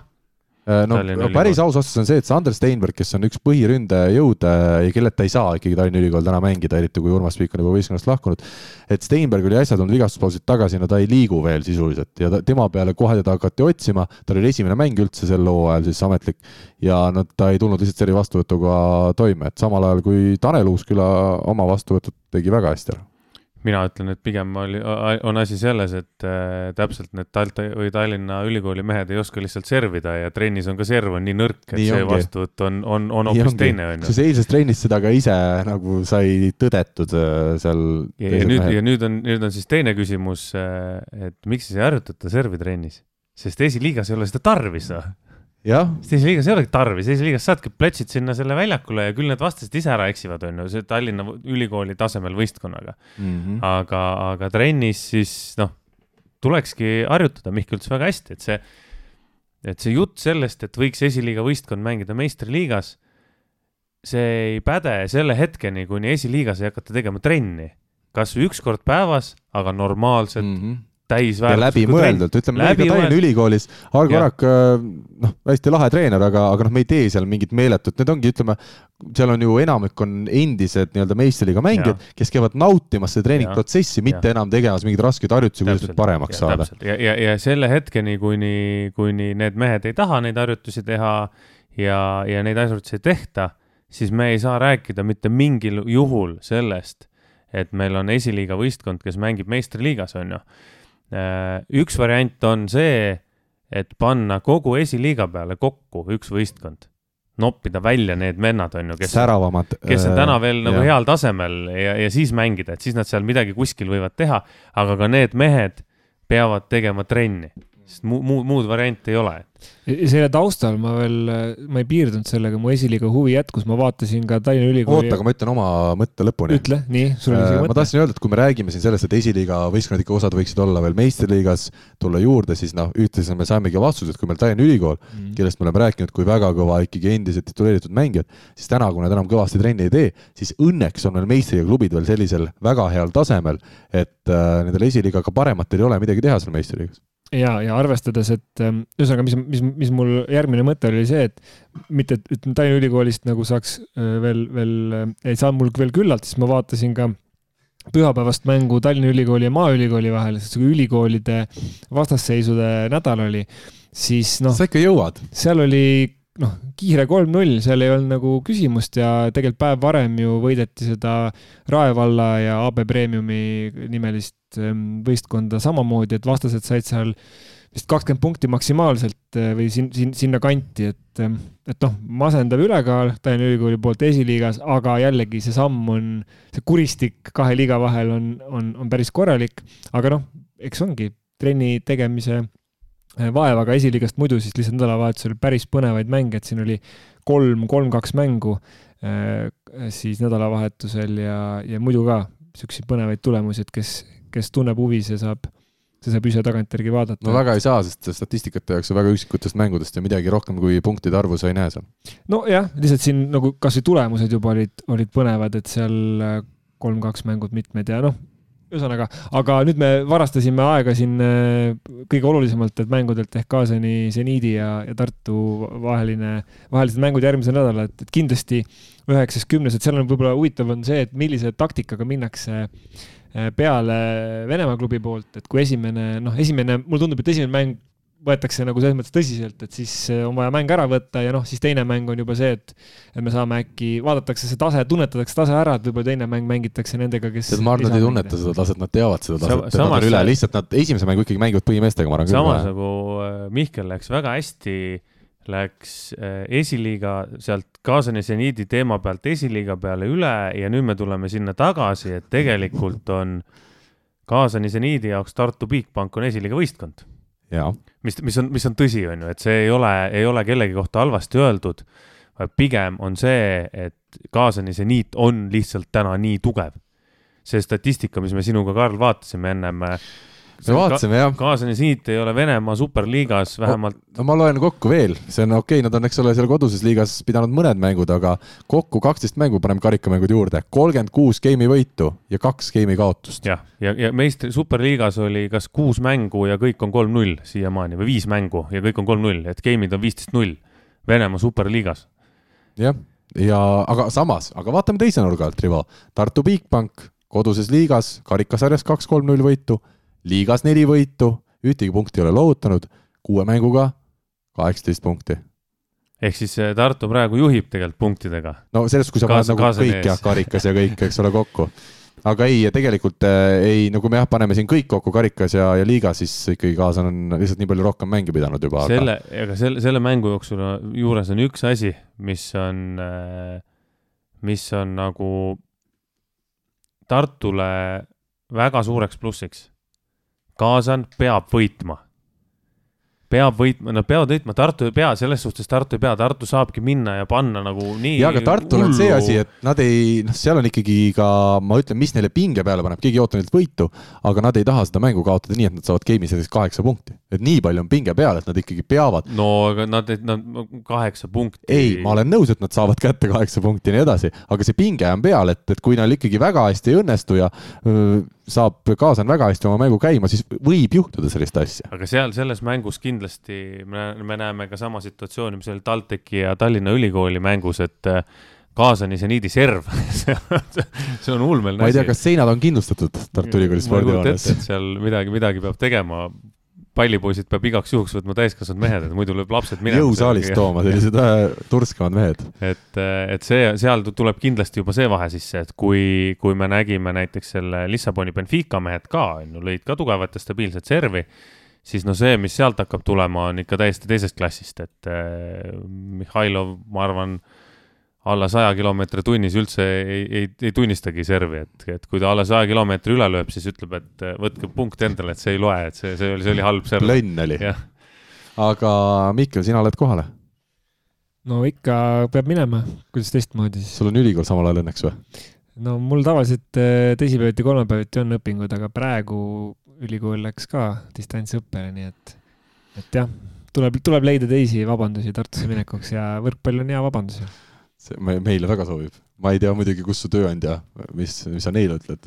selle, sellega. Neile ütle midagi muud. sellega on lihtne, esiteks tööväline aeg õhtusel, õhtusel ajal ja, ja niimoodi edasi-tagasi sipsti, sipsti ära käia, et sellest ei juhtu midagi, et alati ütleme, ma ei ole küll nagu võrkpalli pärast äh, vabusid, vabu päevi võtnud, aga ma pigem võtangi kooli pärast äh, mõnikord, sest et äh, lihtsalt koolis on praegu selline aeg, kus seminaritöö vajab kirjutamist, ehk siis lõputöö, lõputöö alge on vaja paberile panna ja loodetavasti siis äkki, kui kevadel õnnestub, siis ka äh, ülikooli ära lõpetada, aga, aga jah, et nii et selle, sellest, seda saab alati nii-öelda meeldiva kasulikuga ühendada, et, et terve päev siis õppetööga tegeleda ja siis õhtul minna mängule.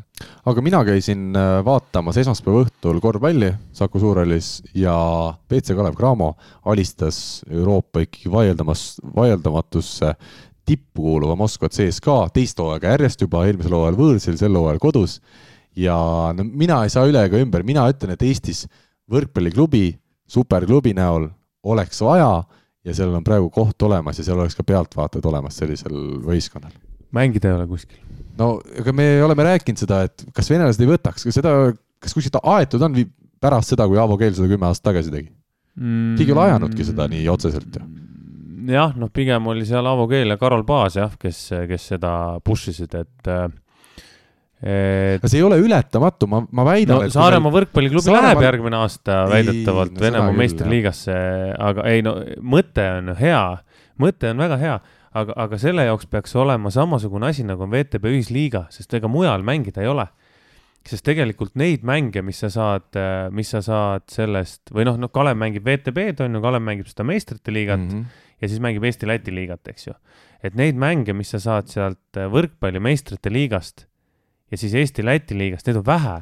et kui teha selline võistkond, siis sellisel võistkonnal ei no Eesti-Läti liigat nad ei tohiks mängida see on aga ikkagi. siis, siis on, siis on mõttetu. ei, mis mõttes on siis mõttetu? aga sul ei ole väljundit. ei no kui oleks, ma ütlengi, et see on, see on, alus on see, et saab Venemaa liigasse sisse. aga Kalev mängib samamoodi Eesti, aga see, see, see on ju minu arust on see üks kriteerium, äh, et nad peavad mängima.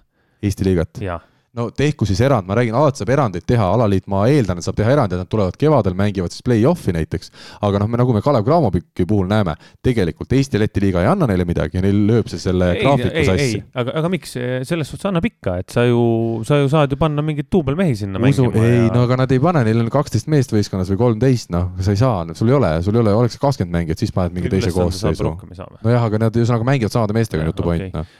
Selle ajaga teha kvaliteetseid trenne, taastuda tähtsamateks mängudeks. mõte on jumala hea ja, ja. mina just ütlen, et see ei ole, kui meil jalgpallis, me räägime superklubist, ma ei tea, Mihkel oskab öelda, et me Madridi, Reali, Barcelona ja Liverpooliga võrdselt mängiks, mis miljardid seal peavad olema. korvpallis, et olla CSKA tasemel, peab olema mingi noh, kakskümmend miljonit, ütleme umbes eelarve, täna on Kalevil seal miljoni juures kuskil. siis võrkpallis, kui Saaremaa võrkpalliklubi oli viissada tuhat orienteeruvat, siis mina väidan, et võrkpallis oleks me võimelised umbes miljoni kahega võitlema selle Euroopa tipus ei, kindlasti mitte.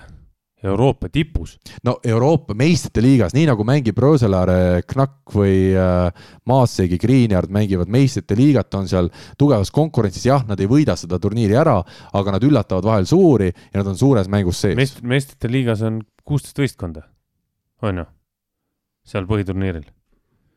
või oli kakskümmend sel hooajal? Või, või ma ei tea, kas see on muudetud, kui on kakskümmend, siis, siis jah, noh, meistrite liiga on kõige kõrgem Eesti, Euroopa liiga ja olla seal, siis sa saadki öelda, et sa oled klubi võrkpalli tipus, on ju, arvestades palju on klubisid. no seda ma mõtlengi, jah. jah, seda küll, jah, seda, seda muidugi, jah, kahe miljoniga, pooleteist miljoniga. korvpallis me ei tee seda ära, ma saan, ma annan täiesti aru, meil ei ole seda raha kuskilt võtta, seda ei tule mitte kuskilt ja jalgpallis veel vähem, eks ole, sealt peaks, ma ei teagi, Mihkel see, sa võid lotoga sada korda võita jackpot'i ka Eestis, ikka sa ei saa seda üheks hooajaks eelarvet kokku. jah, praegu on see Tiraspoli šerifi näide siin, kus, kus jõuti, eks ole, päris kaugele ja on Euroopas niisugune korralik torm põhjustatud, aga jah, seal on hoopis teised summad mängus.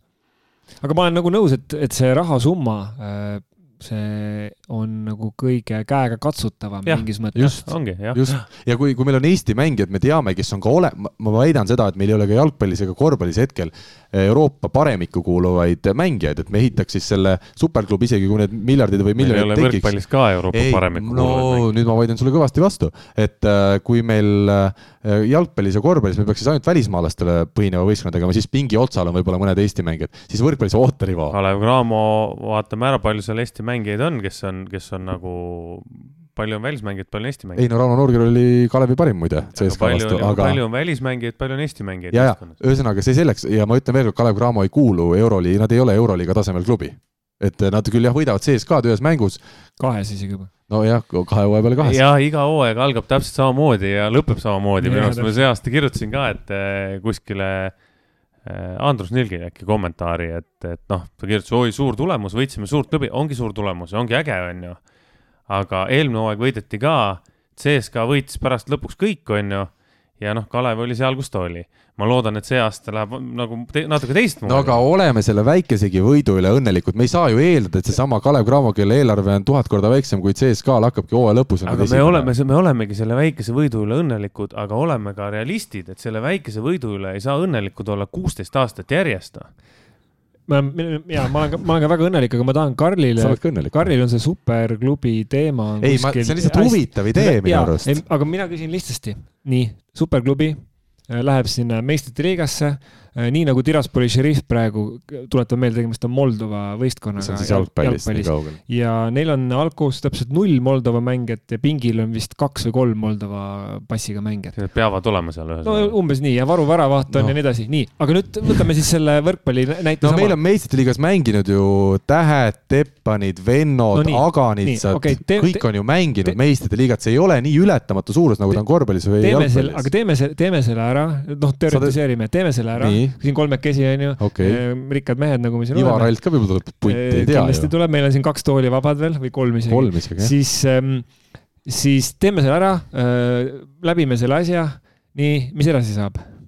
ise sa räägid, et peab olema väljund, kus äh.... peab olema väljund, aga ma tahangi öelda, et aga see peaks olema nagu loogilise töö tulemus, et kus on need, kus on see klubi, kellel on püramiid, kus on need rahastajad, kes ei, ei ole mitte niimoodi üheks aastaks, kus on see, et kui me seal eurosarjas äh, kulutan selle, ma ei tea, mitu miljonit eurot ära, kas ma, palju ma sealt tagasi saan, kas ma üldse saan tagasi.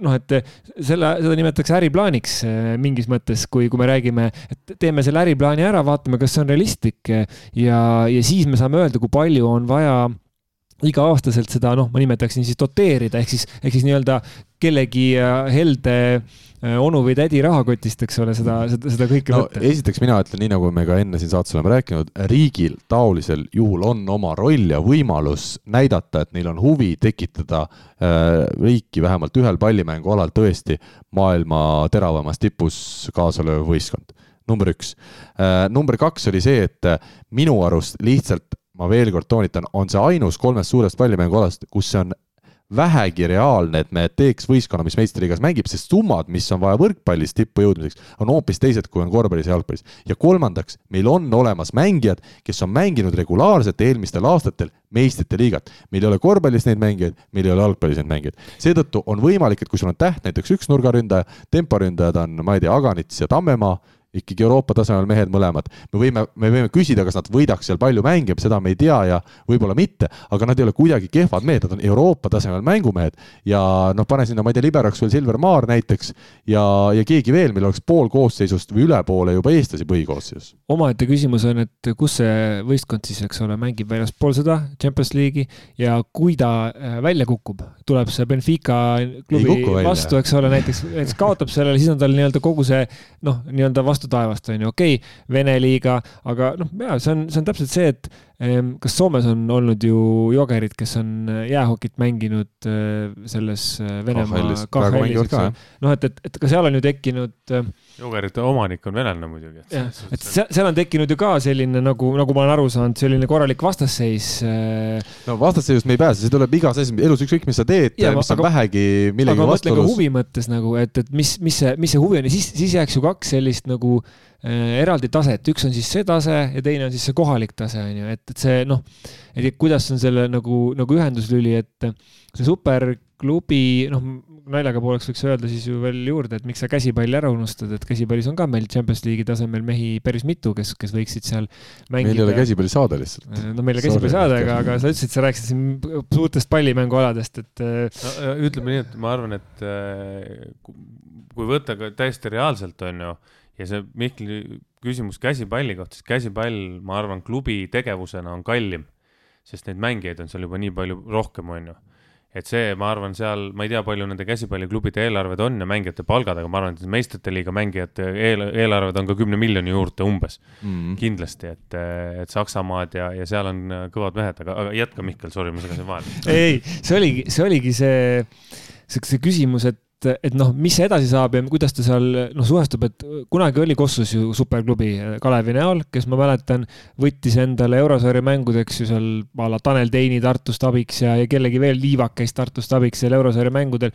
see toimis väga hästi üheksakümnendate teises pooles mingi hetkeni, aga siis kuidagi see, see seotus selle kõigega ja see see kultuslikkus hakkas nagu hääbuma ja seda kõike saab ehitada väga kvaliteetse tööga selle võistkonna ümber. ja see, see ei saa olla nagu savijalgadel, et see peab olema see, see, jällegi me jõuame selle püramiidi peale, et see terav tipp peab olema hästi laia nagu püramiidi peal, et muidu ta on selline nagu tornikene, kus on üks väike jupika hoiab teda püstis, kui tuul rapub, siis, siis on see üks investor, kes seal on, et, et noh, mina ütleks, et ma olen seda ka varem siin saates öelnud, et äh, üks superklubi meil oli, see oli Saaremaa ja me teame, mis sellega sai äh, siin on oli ju ka Pärnu võrkpalliklubi tegelikult selline, kus äh, olid eurosarja mängides olid laenatud mängijad sees.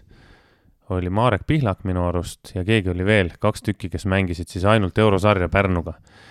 et vot see oleks üks väljund küll, et oleks selline nagu. kas laenata saab tänapäeval? ma ei tea, vot seda ma ei tea, oleks selline nagu selline üks niisugune tugeva tüvega võistkond kus siis näiteks need mehed, kes mängivad Eesti liigat ja mingisugust eh, siin Balti liigat, on ju, tegelikult seal Euroliigas oleks varumeeste rollis, on ju, ja sealt, sealt kukuks juba mingisugused mehed siis ei, ei mängiks Euroliigat üldse.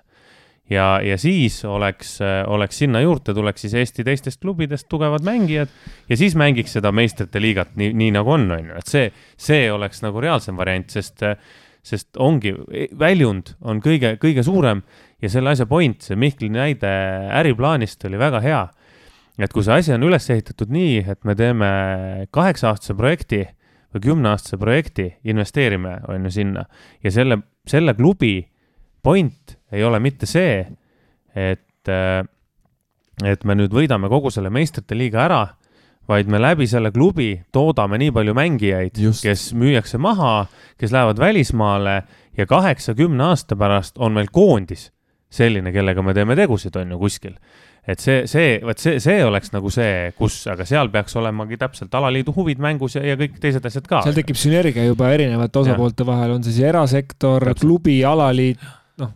riik, kõik asjad on ju, et sa tahad saada Euroopa meistrivõistlustel äh, lõpuks head tulemust, eks ju, siis, siis sa alustadki sealt ja, ja sa mitte ei, ei tee nii, et me, et me panustame kohe alguses Eesti koondisse triljoni, on ju, aga meil tegelikult mängijaid, kes selle triljonis, me toome kümne miljoni eest treenerid, aga meil neid mängijaid, kes oleks sellel tasemel, kes oleks mänginud, on ju, kui sa kümne aastaga suudad äh, kolmkümmend mängijat toota ja müüa need kuhugile klubidesse, kes mängivad nüüd Itaalias, kes mängivad juba siis meistrite liigas seal kõrgemate kohtade peale, siis see on see koht, kus me saame kasu ja, ja noh, igal juhul on ta heategevusprojekt, aga me saame sealt kasu ja sealt me saame tulemust ja lihtsalt unistus minul elab, ma, ma ütlen, ma saan aru, et see kõik on väga ebareaalne ja meil ei ole seda otsest toetajat või toetajaid nii tulemas, aga, aga mulle lihtsalt tundub, et see, see, see ei oleks, see ei no mõte ka, aga see, see reaalselt, see oleks tehtavam kui teistel aladel ja meil on täna need mängijad olemas ja mul on kahju, et midagi sellist äh, ei või sündida. Õnneks on meil Tartu Bigbank, kes vähemalt mingisuguse, ütleme, tühimiku sel hooajal katab ära, sest needsamad meistriga mängud, olgugi et eelringis, olgugi mitte nii tugevate vastastega, olgugi et Eesti kõige paremad mängijad nüüd seal on vaid mõned üksikud, eks ole, ikkagi midagi ta suudab pakkuda, sest see on löönud selle silma särama ja samas vaadates ise iganädalaselt jalgpalli Inglise kõrgliigat ja ma näen, kuidas need fännid elavad kaasa nädalast nädala, neil on nädalat tähtsündmus on see kohaliku liiga mäng siis, et ma tahaks eestlasena ka kunagi midagi sellist nagu. ei no te tegelikult ma toon, ma olen sinuga täiesti nõus, homme on Floral eurosarja teine kodumäng nüüd konverentsi liigas ja see on noh, see on, see on kõige paremas mõttes see nii-öelda päris tunne, et sa noh, ka, ka eile staadionil olles, A Le Coq Arena'l olles sa näed, kuidas pannakse neid konverentsiliiga plagusid sinna üles, kuidas kogu staadion kujundatakse sellesse eurosarja värvidesse. et noh, see on täpselt see päris selle rahvusvahelise klubi jalgpalli hõng, mis seal tuleb. et kõik see asi, see, see ühtne teleproduktsioon sellest Just. kõigest, et see kõik on no, olla osa millestki ikkagi suurest ja, ja vägevast. sa, sa oled, sest noh, Euroopa jalgpallis on näiteks on kui ma õigesti mäletan, siis kolme eurosarja peal on mingi üheksakümmend, natuke üle üheksakümne klubi, kes, kes sinna jõuavad, sa oled selle nii-öelda ligi saja äh, välja valitu hulgas ja sa saad sellest osa, et see on ülioluline, see aitab klubi ehitada, ala populariseerida, mida iganes. no äkki meid kuulab mõni miljardär täna, kes mõtleb, et näed, IT-värk on nüüd hästi välja tulnud, näed, hästi on see startup käima pandud. nüüd on raha üle ja natukene ei oleme investeerinud ka juba tulevikku, et nüüd investeerime Eesti võrkpalli. nii et need võrkpallisõbrad, andke märku, ükskõik, kas meile kolmest kellelegi Eesti alaliidule või veel kellelegi neljandale, kolmandale osapoolele, teeme ära aga ma mõtlesin, me võiks korraks rääkida tänases saates ka eestlastest välismaal, kuna me ei ole jõudnud neid liigas väga palju kajastada, sest meie liiga ikkagi paratamatult on keskendunud kohalikule liigale, mida me näeme ja vaatame sedasi ikkagi igapäevaselt, kuna see on lihtsalt meil siin kodus käes ja, ja kokkuvõttes ma usun, et kui meie seda kohalikku liigat siin Eestis ei promo, siis, siis kes seda üldse teeb. ja aga, aga eestlastest välismaal, kes on olnud kõige resultatiivsem mängija seni, kui me vaatame puhtalt punkte, kas Rivo või Mihkel oskavad kohe ära öelda? mehed-naised kokku mm,? ma ei tea, siis ma arvan naistest keegi ja kas siis Kertu Laak või Kadi Kullergann, ilmselt nendest kahest üks. Kadi Kullergann praegu ikkagi toonud äh, tublisti üle jah, kahekümne punkti mängus Kreekas Marco Polo võistkonnas. küll äh, võistkond ise on nüüd liigas kaheksandal kohal, aga eks seal need jõujooned hakkavad alles välja joonistuma ja päris lõplikke järeldusi ma loodan veel teha ei saa aga igatahes Kadi puhul on küll tore näha olnud, kuidas tuli Eestisse tagasi, oli siin erinevaid tervisemuresid ka ja tundus, et tema ikkagi profikarjäär on läbi, aga täna mängib ta Kreeka liigas, mis kahtlemata ei, ei ole ikkagi kehv liiga ja on seal oma võistkonna resultatiivsem, noh, diagonaalründajana tal see roll ka on, olla resultatiivsem, aga kunagi ei tea, kuidas lõpuks minema hakkab, praegu on hakanud ikkagi minema väga korralikult, nii et tervitame Kadit, Gert Tulak ka jah, Saksamaal alustanud hooaega, Mihkel tema nime tõi ka välja ja noh, Kertul tundub, et ka veel ütleme, sellised äh, tähtsamad mängud siin hooaja esimeses pooles on ju veel ees ja ja saab siis vaadata, kuidas tal seal minema hakkab, aga mis on jah selge, on see, et Andrus Raadik on Savo Vollest tagasi, mäletan, kuidas ta Savo Vollest ära läks üldse. võistkond lasi ta siis lahti pärast ühte, ühte artiklit, mis kus ta oli kriitiline klubi peatreeneri suunas, aga täna on ta Savos tagasi ja, ja mängib seal tõesti väga hästi, mille üle on super hea meel. ja olen näinud ka videoklippe Andrusest seal ja mida saame tõdeda, Andrus on õppinud jälle servimise ära. nii et tervitame Andrust, Moro Suomeen ja, ja no ikka, kui serv läheb juba üle võrgu, siis on, siis on kõik hästi.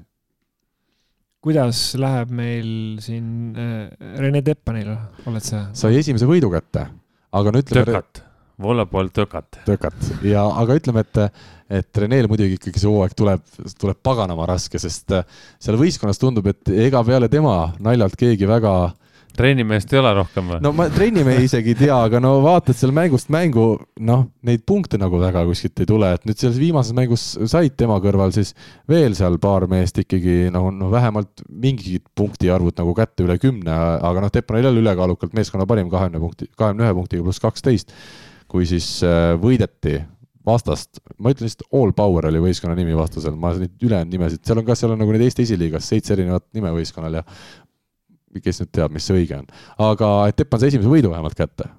All Poweri vastu. All Poweri vastu, kolm-kaks ja äh, huvitav, kuidas tal õlg vastu peab selle koormuse peale? no siin tundub, et on pidanud vähemalt. et vähemalt mängida saab. siis on, siis on see Eesti, üks Eesti hooaeg ja ravimine teinud ikka, ikka tulnud kasuks, et et saab, loodame, et peab ilusasti vastu. Loodame nii, aga mis oli, mis on mul küsimus teile veel, kes on, milline välisklubi on tänavu siis kõige sedasi Eesti võrkpallisõbralikum, kus on noh, meie äh, võrkpallurite või liigaga seotud kõige rohkem vaadata, kas te oskate seda kohe? sa mõtled äh, Luksemburgi või Šveitsi nüüd? no sa mõtled naisi või? Äh, no seal on kaks äh, Eesti mängijat koos, aga mina pidasin silmas Fresus, Prantsusmaa esiliiga meestest. Seal on äh, Loic Chelet, meie rahvusmeeskonna abitreener peatreeneri rollis ja mängivad siis Johan Vahter ja Atlas Ozolinš. kas, kas on veel meie koondise siis abitreener või ei ole? kusjuures seda ma olen mõelnud uurida, sest. see on hea küsimus, on ju. Äh, Hanno Pevkur ütles, et pärast EM-i, noh, see tuleb varsti-varsti otsus, aga mina ei otsust veel kuulnud. mingi hetk peaks olema juhatuse koosolek, kus need asjad otsustatakse, et. No näed. aga see jah, üks päev tuli just see mõte pähe, et, et sama teema, täpselt nagu sa mm -hmm. ütlesid, et Hannoga rääkisime, on ju, siis ta ütles, et noh, see otsustatakse siis. ja Fresus siis Prantsusmaa esiliigas neljandal kohal hetkel, kolm võitu, üks kaotus ja on siis olnud äh, mõlemad äh, nii-öelda siis pooleestlased või kuidas me neid nimetame, mitte pooleeestlased, Johan Vahter ikka, noh kuigi saarlane võib ikkagi öelda pooleestlane. välismaa, väli, väliseestlased, ütleme nii siis. täpselt, jah ja, ja Osolins on olnud ka põhimehed ja võtame siin kasvõi viimase mängu, mis siin oktoobri eelviimasel päeval peeti, siis äh, seal Vahteri ai, ai, vastutusprotsent kolmkümmend üks nüüd võtsin vale mängu praegu välja, äh, aga kui ta ikkagi põhikoosseisus on, vaata ju siis saab oma asjadega ilusti hakkama ja Advar Soosolins äh, kümme punkti pluss kolm selles viimases mängus. lätlaste kohta võib rahumeeli öelda lõunaeestlased. lõunaeestlased, liivimaalased, mina ütlen ikka.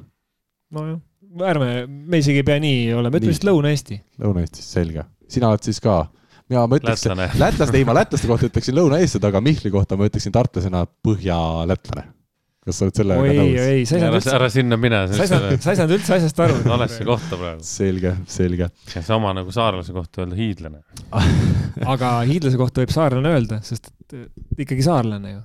jah igal juhul saarlane. väga hästi põhjendatud. aga Poola kõrgligas, kus siis ütleme, suures plaanis kõige rohkem on eestlaste huvisid siis tipptasemel mängus, on meil selline seis, et Saksa, Saksa, kus meil on Georgi Kretsu peatreenerina, on viis mängu, viis võitu ja võideti siis ka meie Belhatovit ehk siis Robert Tähte siin hiljutises kohtumises ja Robert Täht on nüüd tagasi väljakul, küll vahetusest sekkus, aga aga on vähemalt, tundub, et terveks saanud või, või noh, saab, saab kõike kaasa teha ja Ržešov, kus meil siis äh, mängib jälle Timo Tammemaa sel hooajal, on sarnaselt Belhatovile kogunud kolm võitu, kaks kaotust, nii et Poolas ei ole ka seisud kõige kehvemad ja on hakanud nüüd tulema esiliigas ka võidud Rainer Vassiljevi koduklubil, mis on hästi oluline minu arust, kui me Raineri just tulevikku vaatame, et ega Raineri, Rainerile üldse Eestimaalt pärit treeneritele palju võimalusi välismaal ei pruugi keegi anda, et kui üldse välistreeneritele Jah. on, on Aga no eriti, kui sa oled Eestis. super, supertreenerid seal, siis äh, need liiguvad ringi, aga, aga ei no selles, selles suhtes ma arvan, et ei ole vahet, kas sa oled Eestist, Lätist, ükskõik kustkohast äh, no kui sa oled Itaalia treener, siis sul on kuidagi teine aura ikkagi. niisugune maine. jah, Rainer võib-olla see jah, see Itaalia nimi on no, Jah. midagi annab muud juurde, on ju, et Gianmarco Bernelli oleks sa- näiteks, samas, kui Raineri nagu nimi me ütleme, oleks. samas me ütleme, et, et kui sa, kui on Venemaa, kui öeldakse, et noh, ta on Venemaa treener, on ju, siis esimene mõte tuleb see, et eh, tuleb mingi mees ja hakkab röökima kõikide inimeste peale. tegelikult on ju nii, et see vana vene kooli mõte on veel nii Jah, peas, et, et selles suhtes sul on võib-olla õigus jah, et, et võib-olla mingisuguseid mehi vaadatakse kuskilt parema pilguga kui teised. no vot, ühesõnaga me soovime ka Rainerile siis kõike paremat äh, Poola esiliigas, Guardial, Wroclawi Guardial on kirjas äh, seitsmest mängust kolm võitu, neli kaotust, aga tabelis ollakse jagamas neljandat kohta, seal on võistkondi kokku kuusteist, nii et see Poola esiliiga ka ikka väga tummine seltskond. aga meil on täna ka tulemas paar rubriiki veel ette, nii et läheme vaikselt edasi ja, ja räägime eestlastest välismaal jälle siis, kui on põhjust. kes võidab keda, kas sina oskad ennustada seda? spordiennustus portaalis Pahv. Pahv lööb pahviks ja Pahvi ennustusmängus kohe kisub ikkagi näo naerule, vähemalt minul küll alati, kui ma vaatan neid olukordi. no Mihkel, mis me ütleme, Ustinad Laabem, kes oli sul eelmine kord nahka teinud, siis aitas sind seekord, võitsid nad Tšehhi liigas Brnot, tulemus kolm-üks, viieteistkümnest eurost tegid sa kolmkümmend kuus eurot, tahad sa kuidagi kiidelda ka siin? see oli väga oluline, ma, ma elasin sellele mängule väga kaasa, nii et, et vaatasite otse mingi... jaa, ma jälgisin seda seisu muutumist, et Mhm. see hasart oli, oli, oli, oli olemas. aga ei, tegelikult äh, tõsiselt siis seda, ma, ma jälgisin äh, seda, seda liiga neid tulemusi ja seal on tegelikult suhteliselt vähe mängitud, nii et need jõujooned Tšehhis alles jooksevad, jooksevad paika. aga sina loomulikult tead seda, eks ole? ma uskusin sellesse Ustinad Laabemisse, jah. aga Venemaa naiste superliigas näitas ikkagi veel kord, et ei, ei tea sa ka naiste võrkpallist kõike, Moskva Dünamo pidi võitma siis kaasa nüüd Dünamot, aga kaotas kaks-kolm. kodus kaotas Kodus ja kaotas. oli tegelikult ees game'idega kaks-üks, nii et see, see oli valus. neljanda ja viienda kaotasid ja viimase veel väga napilt. kokkuvõttes nädalaga pluss kuus sulle ikkagi, nii et palju õnne. no mina tegin ära, ütleme spetsialisti, kuna Rivo puudus, ma tegin spetsialisti osa ise ära. Kokkola Hermes Soome jäähoki esiliigas võitis Tutot, tulemus neli-üks ja tegin siis viieteistkümnest eurost kolmkümmend kaks ja Loima Hurrikaani võrkpalliliigas siis alistas Oulu Etta kolm-üks ja sai seal viieteistkümnest eurost kakskümmend üks, nii et kokkuvõttes kasumit nädala peale kakskümmend kaks eurot ja kerkisin tabelis siis Rivo järel teisele kohale, kakssada kaheksateist eurot. palju mul on, ma, ma, kakssada kuuskümmend kuus aga ma et- panin jälle seal täppi kõik, on ju. sa, nojah, eelmine Viimati. kord oli küll jah, ja Uibo Lehtmeel härra on siis kuuendal kohal saja kaheksakümne üheksa euroga ja sõbrad, võistkond Sõbrad, mida siis Tiit Kõim meil eelmises saates esindas, sai veel miinus kolmkümmend, sest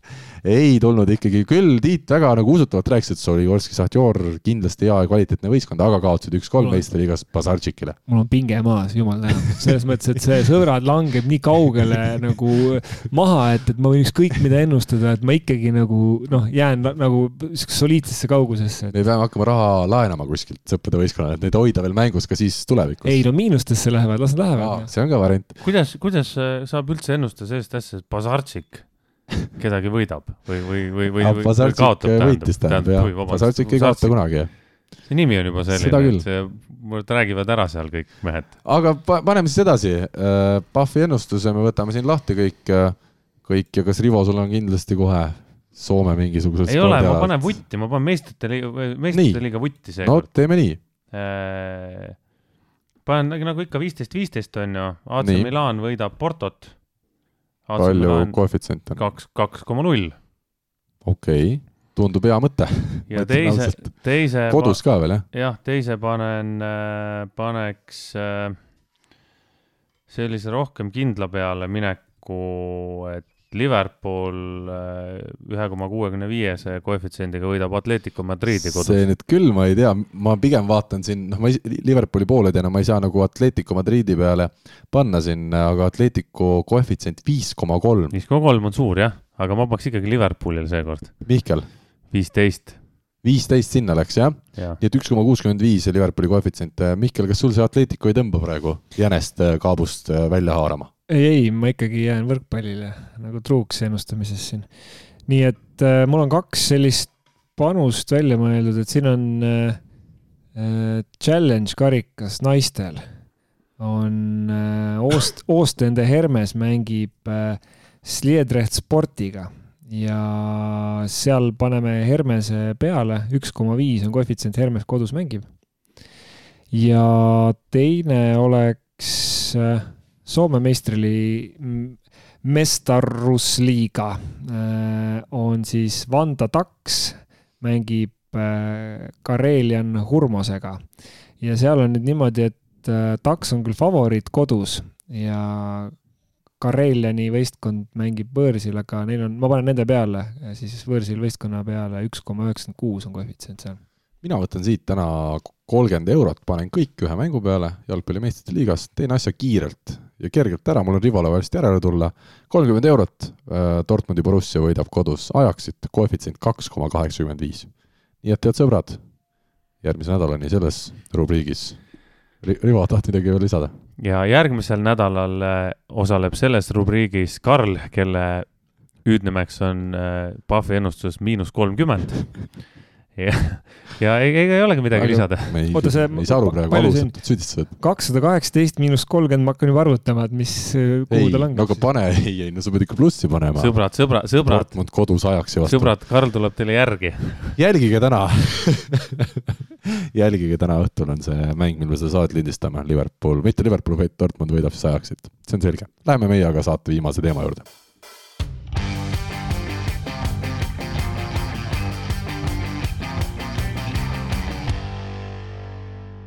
aga nüüd siis on kätte jõudnud meil jälle see rubriik, kus me oleme lasknud kuulajatel küsida ja me alustame loomulikult austusest meie suurima kuulaja Aare Alba vastu, tema enda küsimusega. ta tegelikult pikalt seal päris humoorikalt rääkis ja, ja ütles, et Mihkel oskab asju nii lihtsalt lahti seletada, et isegi loll inimene, kes on ikka nii loll, et jääb isegi lollide maailmameistrivõistlustel kolmandaks, saab õigesti aru. ja Alar on samasugune, ta ütleb, et huvitav, mis tulemus siis oleks, kui Alar seletab mingi asja lahti ja Mihkel veel omakorda seletab selle üle või vastupidi no me, meil on Alar ja, Alar ja Mihkel järgneval saates, ma usun, nii et äh, me saame seda nagu proovida, lihtsalt seda nagu noh, teeme ära. aga küsimus oli siis ka, et kuidas Mihkel võrkpalliteemalisse saatesse sattus. ja ma lühidalt ütlen ära, mina tean, et meil oli eelmine aasta, no Mihkli ikka tunneme mingist ajast, äh, spordiinimesed, kuidas siis ei tunne, Eesti on väike ka. Äh, ja oli see jutt, et teeme vist ühe mängu kommenteerime koos aga nüüd me nägime siis sügisel EM-finaalturniiril ja sattusime juttu rääkima, ma kohe vaatasin, et Mihkli jutt, Jeerum on nii asjalik, et tule või kutsu saatesse. Ja meil oli just järgmise päeva saates keegi puudu. Ja the rest is history, nagu öeldakse inglise keeles. meil tegelikult läks üks kaks või kolm korda aega, et saada nagu need ajad klappima, sest mul alguses ei klappinud järjest need äh, saateajad, mis Karl välja pakkus. Ja siis äh, lõpuks klappis ja nüüd ongi klappib jäänud praegu tundub. jaa, see on väga hea, ma loodan, et see klapp ikkagi püsib. Eh, nii et väga lihtne on kokkuvõttes see värk, et, ähm, et nii ta tõeks sai. tuleb käia erinevatel võistlustel kohapeal ja, ja me ei ole Karliga mitte ainult kohtunud äh, võrkpallimängu publiku hulgas, vaid ka korvpallimängu publiku hulgas ja jalgpallis me küll ei kohtunud, aga vähemalt saatsid sa pildi, et, et see oli mul lähedal, jah. ja ma ei tea, mina, ma, kõigepealt ma saatsin selle pildi, ma tegin nimelt enne seda Eesti koondise mängu oli Mihkel väljaku ääres millegi arusaamatutel põhjustel, ma saatsin kõigepealt selle turvaülematele, et vaadake, et mingi fänn on jõudnud või noh mis ta teeb seal, eks ole, miks, aga tuli välja, et Mihkel oli seotud seal mängueelsete rituaalidega äh,. nii et avas tšakraid, aga Kati küsib meie käest äh, seekord sedasi. küsimus Mihklile, olles tugev jalgpalliliidus, aga jälgides ka palju võrkpalli, siis päris ausalt, kummale alale süda rohkem kaasa põksub ning miks? no seda sa saad iga, iga saade juba vastata. ei, see on hea, väga hea küsimus ma ei ole väga originaalne et.... aitäh küsimuse eest see on nüüd see koht et äh, nagu võrkpallile tuleb öelda, et, et võrkpall on esimene armastus, et aga esimene armastus, nagu ma ütlesin ühes saates, ei pea abieluni viima ilmtingimata ja, ja, ja ei viigi, tegelikult, tegelikult kuulge, see on tegelikult Jüri Ratas ütles selle koalitsiooni kohta minu meelest eile, et, et koalitsioon ei pea olema abielu, ütles teile, et see on tegelikult oli, ma kasutan sarnast metafoori, aga noh aga vaata, osad need abielud lähevad lõhki ja noh, su ei jää suhtlus alles isegi, aga sinul on esimese armastusega see nagu. jaa, meil on väga hea läbisaamine, et selles mõttes, et seal, seal on. vastust ei tulnud? vastust ei, vastus oli täpselt selline, nagu ta oli, ütleme nii äh,. aitäh hea vastuse eest, ütlen siis mina omalt poolt äh,. Katil on veel küsimus, mis klubil ja miks näete sel hooajal suurimaid võimalusi meistrite liiga võitmiseks? kes noortest mängijatest teeb suure läbimurdeaasta? ma nüüd eeldan, et see noortest mängijatest teeb suure läbimurdeaasta on eraldi küsimus, aga kes meistrite liigas omab kõige suuremaid võimalusi võitmiseks? ma arvan, et meil oleks võib-olla kõige targem tulla selle küsimuse juurde tagasi nädala pärast, kui meil on Alar Rikberg saates. kas Rivo, sina julged siin ennustusi teha? no kindlasti ma usun, et Itaalia hiiud on jälle head, Venemaa hiiud on jälle head, aga ma ütlen ausalt, mul täna ja noh, Poola tipud niikuinii, aga, aga et kes nüüd võiks olla kõige parem, ma arvan, Alar oskaks selle kõige paremini vastata jah, kindlasti, ma ei ole ühtegi mängu näinud, neid, palju neid on olnud üldse, on neid olnud? meistrite liigas? eelring käib alles. aa, no jah, õige jah, muidugi, see Lissabon ju mängib äh, täna.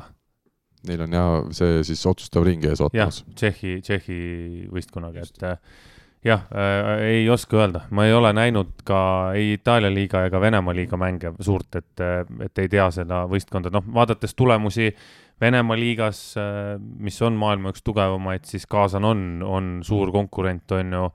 ma arvan, Kaasani seniit võib olla see aasta ka. aga seal ongi Kaasan äh, on ju see, et mängi, nad mängivad meie CEF Cupi noh. seniit vist mängib Kaasani seniit on ju ja kes see teine on, Moskva Dünamo. kes mängib CEF Cupi või? meistrite liigat. Dünamo võitis eelmine aasta Venemaa meistrivõistlused, kui ma nüüd väga ei eksi no ma ütlen sulle, kes meistrite liigat mängivad, jah ja,, Moskva Dünamo, Peterburi Zeniit ja Novosibirski Lokomotiiv. okei okay,, noh jah, ma, ma arvan, et nagu sa ütlesid, Venemaa suured, Itaalia suured ilmselt jagavad omavahel seal selle. ja Poola. Jah, jah. ma arvan ikkagi poolakad ka. jah, jah, täpselt et.... aga me tõesti laseme siin pigem, võtame selle küsimuse uuesti ette järgmisel nädalal, kui meil on suuremad spetsialistid ka stuudios.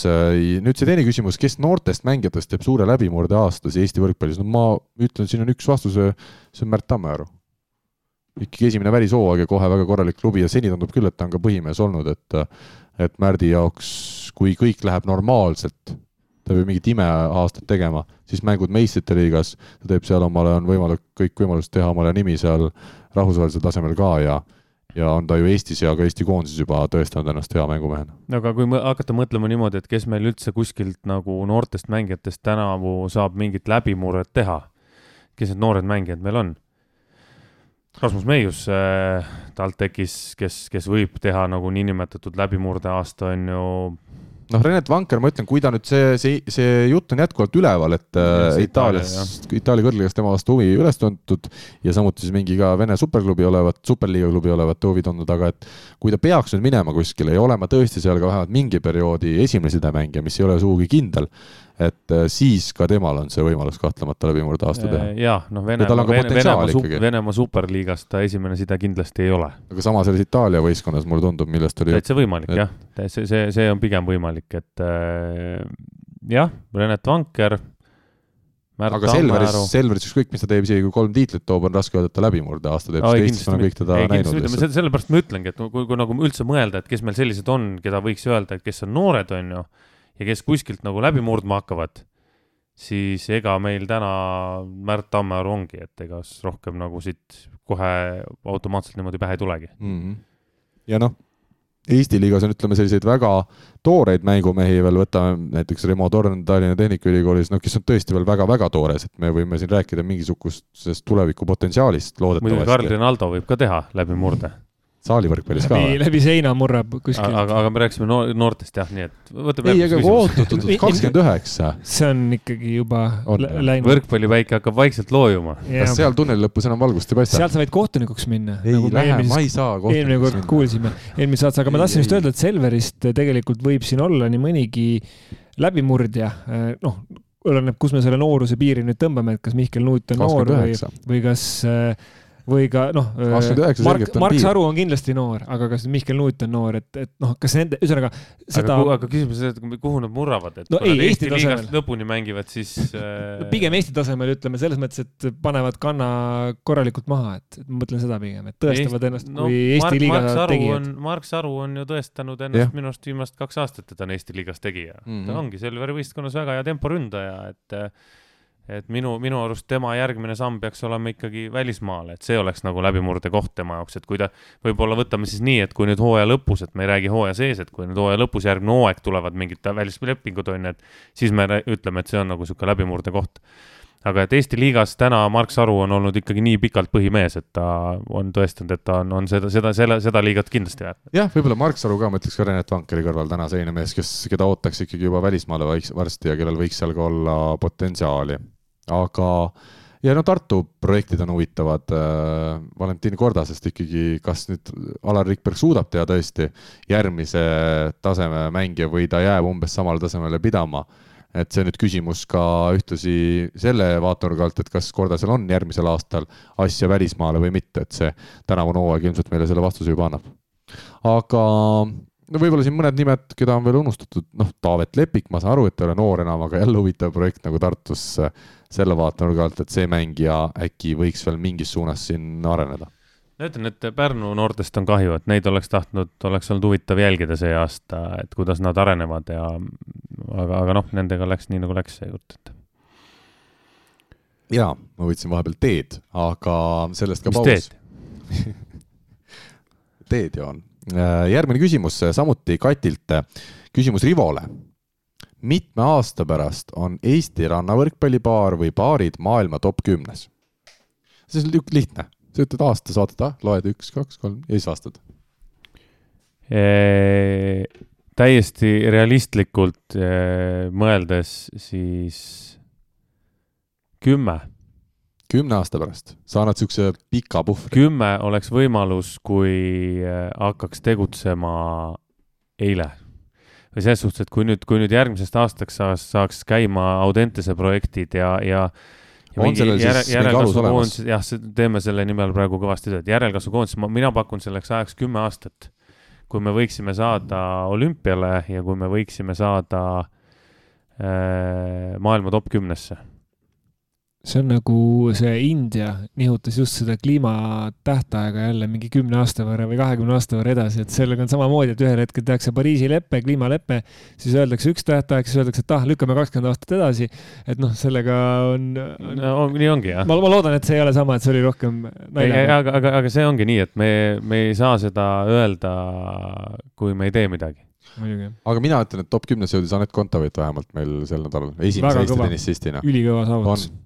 Ma arvan, et see on tegelikult nagu, mina ütleks selle naiste, noh, aasta naissportlase, ma saan aru, et meil on olümpiavõitjad, ma saan aru, et meil on olümpiamedalist, aga kui me võtame nagu tennise kandepinda, kõike seda, siis see on ja konkurentsi. uskumatu saavutus, väga kõva. ja see, et äh, tegelikult äh, siin on kõik faktid kinnitavad seda, Anett Kontaveit, Eesti tennisist on, on viimase kuu aja jooksul vaieldamatult maailma parim naistennisist olnud ja ta läheb aastalõputurniirile, kus ta nüüd napilt siis ka peale, peale pääses ühe, ühena favoriitidest, et äh, seda tasub nautida siin ka võrkpalliinimesena.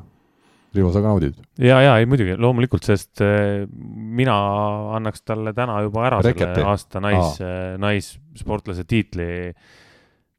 ja just selle pealt, et jah, olümpia võit oli, oli meeskondlik, naiskondlik siis eh, ja olümpiamedal vaadates eh, kahe ala kandepinda ja kahe ala harrastatavust, siis siis siin ei ole, siin, siin ei ole nagu noh, siin ei ole mingit küsimust, et tennises saavad jõuda maailma top kümnesse on kordades raskem, kordades raskem. Ja just ma küsisingi ah, tennis, noore tennisisti käest, et kuidas seal see süsteem on, et kas on sama nagu rannavõrkpallis on ju, et ei saa olla rohkem kui kaks näiteks või neli või kuus Venemaa tennisisti Grand Slamil ja siis tennises, kui sul on sada head tennisisti, siis nad võivad sada tükki võivad seal Venemaalt olla, on ju.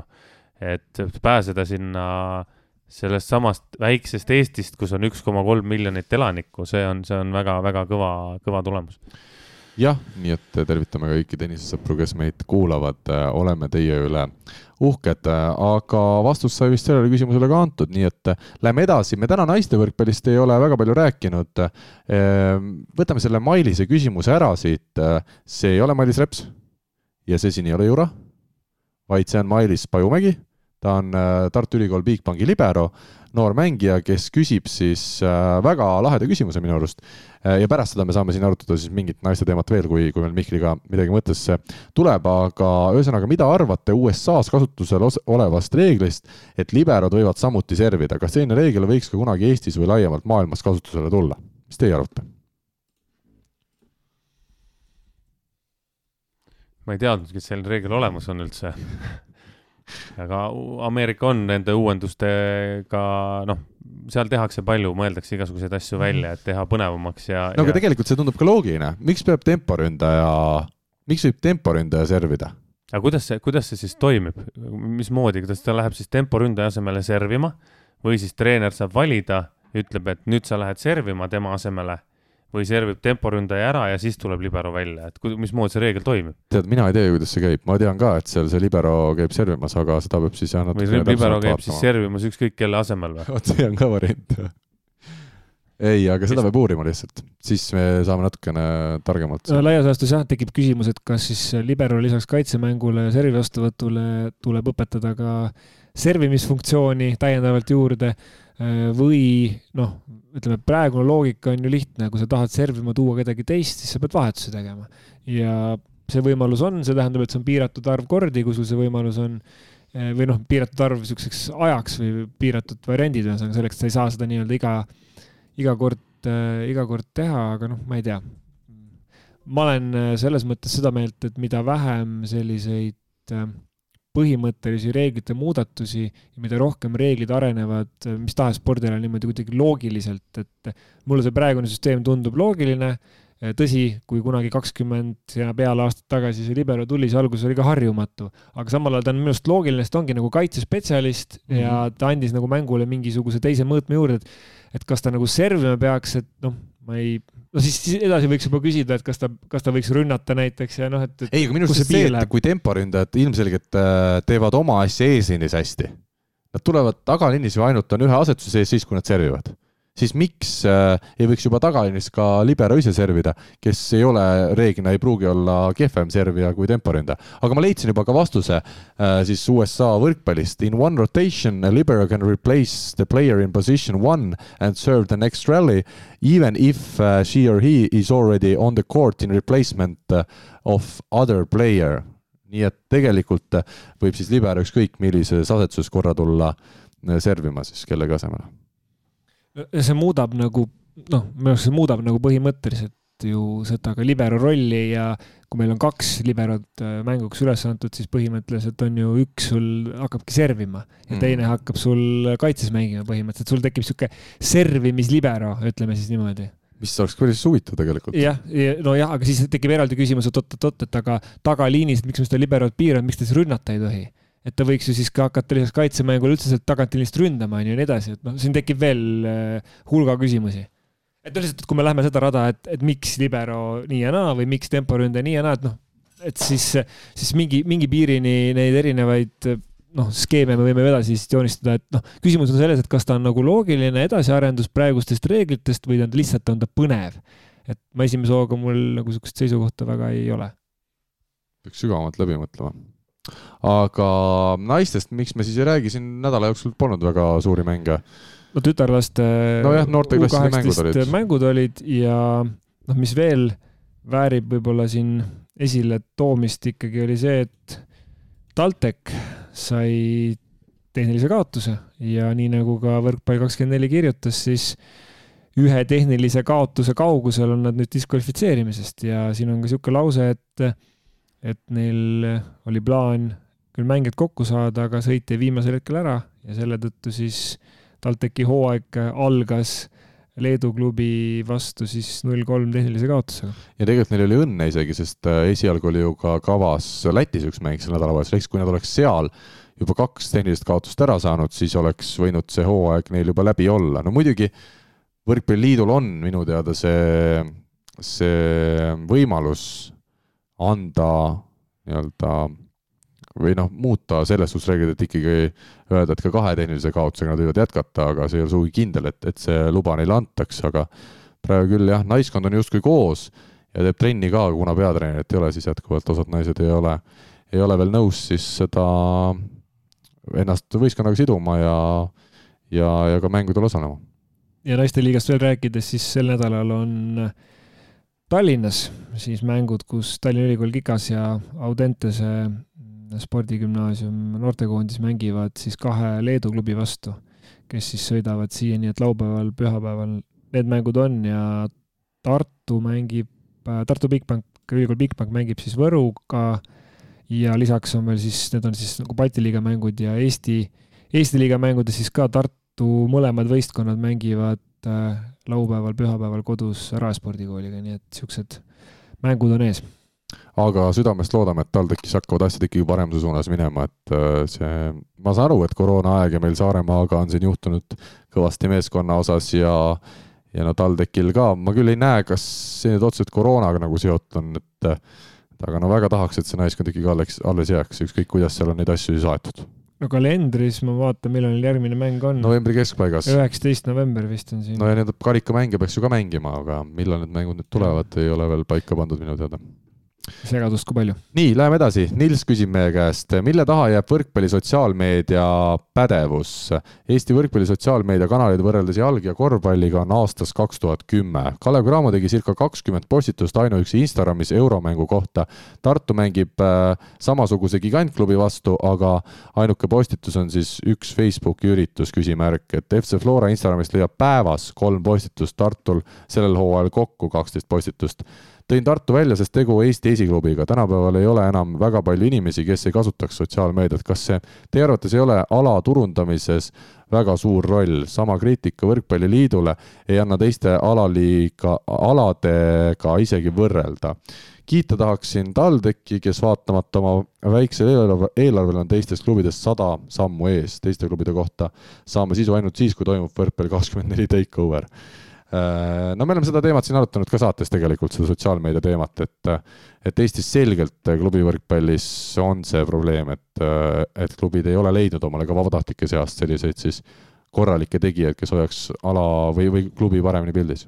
jaa, mul on, ma ju jälgin neid erinevaid sotsiaalmeediakanaleid kogu aeg ja eks numbrid räägivad iseenda eest, et kui siin kuul-, kuulaja küsimus oli Instagrami kohta, siis Floral üheksa tuhat kakssada viiskümmend jälgijat Instagramis, Bigpangal tuhat nelisada üheksakümmend viis jälgijat Instagramis ja võtame siis ka äh, ette siis nüüd alaliitude lehed, siis äh, Eesti jalgpallil Instagramis üle neljateist tuhande jälgija ja Est Volleyballi nimelisel siis lehel kolm tuhat viissada kuuskümmend jälgijat, aga noh jah, me oleme natuke varem sellest rääkinud ka siin saates, et äh, on ju selge, et äh, näiteks noh, võttes Tartu näite, siis tõenäoliselt Hendrik Rikand seda Instagrami lehte majandab, ma arvan.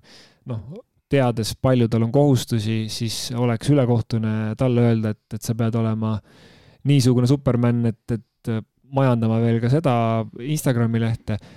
samal ajal noh, siis ongi variant, kas, kas, kas on kedagi kes selle, ma ei tea, kas siis väga väikese tasu eest, sümboolse tasu eest või täiesti vabatahtlikult võtaks enda teha.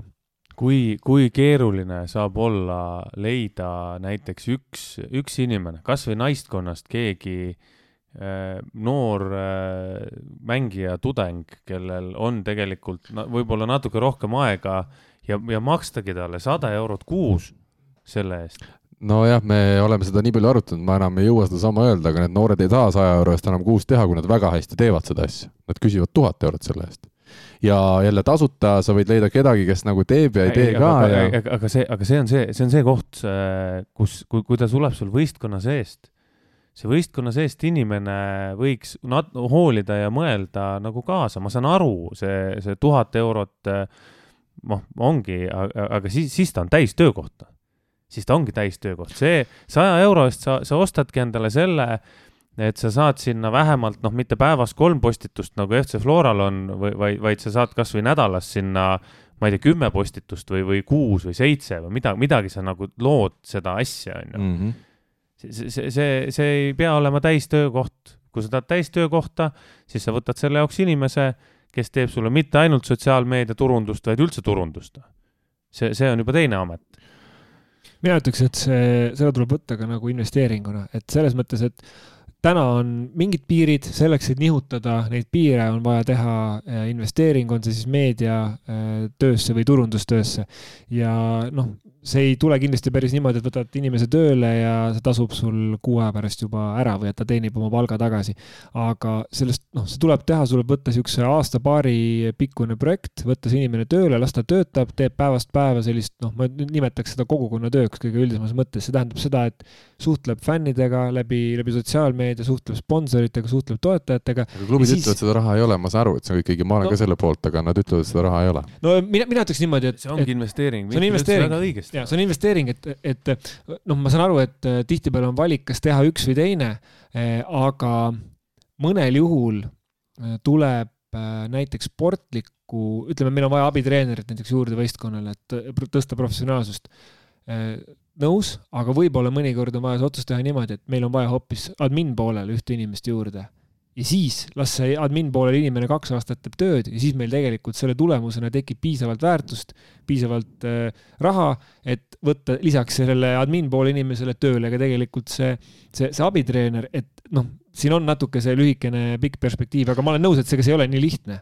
ja no mina ütlen enda poolt ka, et äh, tehes seda Võrkpalli kakskümmend neli portaali ikkagi no ütleme, suures plaanis üksinda, äh, siis äh, kas see Instagrami tegemine alguses jubeda sellise entusiasmiga kolm aastat tagasi hakkasin tegema, oli vahva, aga tahes-tahtmata, kui on väga palju tööülesandeid, siis see Instagrami tegemine jääb tagaplaanile, samamoodi on minul väga kaootiline, ma täiesti tunnistan seda iseendale ja ka jälgijatele, on väga kaootiline see võrkpalli kahekümne nelja Instagrami tegemine ja ma ka siinkohal edastan nagu täitsa ausa üleskutse, et kui kellelgi on huvi sellist Eesti võrkpalli asja natukene ajada ja, ja teha hästi seda sotsiaalmeediat, kasvõi hoida seal pilk peal, mis teised eestlased kuskil teevad ja postitavad ja seda kasvõi edasi jagada, seal natuke midagi juurde lisada, et siis võtke minuga julgelt ühendust, et äh, tõesti väga-väga kasutaks hea meelega sellist inimest sotsiaalmeedia just valdkonnas ära, et, et just igapäevased, kasvõi mõned siuksed postitused, story'd, asjad. kas sul lihtsalt ei ole aega seda teha või, või sa ei oska? no kindlasti mõlemat, kindlasti mõlemat, aga noh, pigem, pigem ma ütleksin ajaliselt, et ma teen pigem ühe loo juurde, kui et, sest tegelikult see sotsiaalmeedia, ma tean, need, kes ei tee seda või on vanemad, neile tundub, et mis siis ära ei ole üks mingi postitus.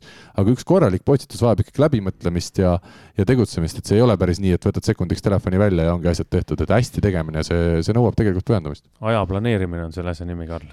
nojah, aga kui sul on aega vaja planeerida, sul on kakskümmend neli tundi ööpäevas, siis sa pead midagi tegemata jätma. mina ütleks selle peale ka seda, et äh, kõikidel, et ükski asi ei juhtu juhuslikult. et kui me tahame et meil oleks head sportlased, ükskõik mis alal, siis me peame kuidagi planeerima seda selles mõttes, et äh, kas me, kuidas me viime selle mängi tippu. et samamoodi on, on seesama, ma ütleks siis noh, ma ei tea, ametkonna või ka selliste entusiastide teke, et kus me neid inspireerime, kus me neid äh, kasvatame, mis see kasulava võiks olla, et kus see oleks see koht, kus tekiks, et ma praegu tulistan puusalt, aga, aga ma arvan, et noh, näiteks need Facebooki grupid ka võrkpallis ju koondavad äh, enda alla inimesi, kes tegelikult väga kirglikult suhtuvad. et võib-olla sealtkaudu, aga see nüüd on see, et keegi peaks ka natukene nagu mõtlema selle peale, et kuidas anda seda sisendit, kuidas anda seda suunist ja kuidas siis koondada see entusiasm, mingisuguse kanaliseerida, ütleme, see entusiasm, see, see tahe möllata, heas mõttes möllata, kuidas see rakendada nagu äh, mõne klubi või, või ka kogu ala eesmärkide ette, et see on selline ühenduslüli, et ega ta lihtne ei ole, aga, aga noh, juhuslikult ei, või noh, niisama ei juhtu nagu midagi, et kui, kui no või ma ei tea, meediaklassid on meil osades gümnaasiumites näiteks äh, lõpu, lõpuklassides, et võib-olla seal või noh, noortetreenerid tihtipeale klubides teavad, teavad täpselt, mul on, ma ei tea, kakskümmend tüüpi seal või viisteist tüüpi on trennis. ma tean, et äh, see tüüp, sellest tüübist saab korralikul tasemel mängija, aga ülejäänud on seal nii-öelda toetavas funktsioonis, aga sellest ülejäänud pundist võib-olla ma tean, et okei okay,, see vend tegelikult kirjutab, see vend äh, tegeleb mingisuguse, on mingi Tiktoki kuningas piltlikult öeldes, et, et las, las nemad nagu olla rakendatud siis selles osas, et nad, mhm. nad lähevad küll mängijana kaduma selle ala jaoks, aga nad ei lähe kaduma äh, ala enda jaoks. ala enda jaoks, just nii, Rivo, sulle ka personaalküsimus siit lõpuks siis Nilsilt veel. Rivo, millal hakkavad noored rannavolle trenne tegema ja ala hakkab lõpuks arenema tõsisemalt? võimalused rannahallide näol on nüüd olemas, kas asi finantsi taga või saalitreeneritele ei meeldi rannavõrkpall ja huvi selle vastu on null? tean, et see ei ole tegelikult nii must ja valge, aga praegu tundub viimane aeg asjaga pihta hakata ja kui palju Dima Timo ja Renate Juuditi lõpetamine teie meelest ala muudab? pean just silmas seda, et Dima Timo proovisid olla palju pildis ja ehk olid noortele ka eeskujuks no samamoodi jah, Renate juhid ka olid ikkagi päris hästi pildis oma kanalis. Dima mängib edasi ja Dima ei ole lõpetanud, et Dima mängib, Timo ütles, et ta nüüd see aasta teeb või hooaja saalis ja siis vaatab edasi, mis saab, on ju, Renate juudid äh, põhjust päris täpselt ei tea, miks, miks nad lõpetasid, ilmselt ju siis oli raske ja, ja, ja võib-olla ei olnud loodetud tulemusi, mida nad, mida nad no, endale Renate ka mängib nüüd saalis jälle ja kevadel plaanib ikkagi rannas jälle edasi teha mm, -hmm. et äh, vähemalt see plaan on olemas ja Juditi kohta ma nii täpselt ei tea.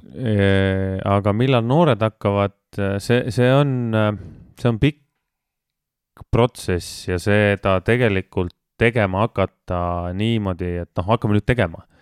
seda on väga raske. Seal on küll finantsküsimused, seal on küsimused treeneritest, kes neid äh, treenivad. Äh, seal on, seal on palju-palju asju, seal on seesama teema ka, mis, mis, mis Nils tõi sisse, et äh, et saalitreenereid täna ei huvita, saalitreenerid täna siiamaani ütlevad, et miks, aga oot, aga miks te tahate, et keegi meie õpilastest mängiks rannavõrkpalli, et kasvatage need ise üles, on ju. Need õpilased või need lapsed. et siis, siis las nad mängivad siis rannavõrkpalli. Et see on minu arust noh, just saalitreenerite poolt selline üsna lühinägelik mõtlemine, et, et sa ei peaks ju mõtlema selle peale, nagu Mihkel siin ütles, et sa, sa näed, et sul on viisteist last, eks ju ja, ja üks nendest on ranna- või saalivõrkpallis väga hea, üks on Tiktokis väga hea, üks oskab, ma ei tea, kaarditrikke teha. joodeldada. joodeldada, jah, kasvõi joodeldada, on ju.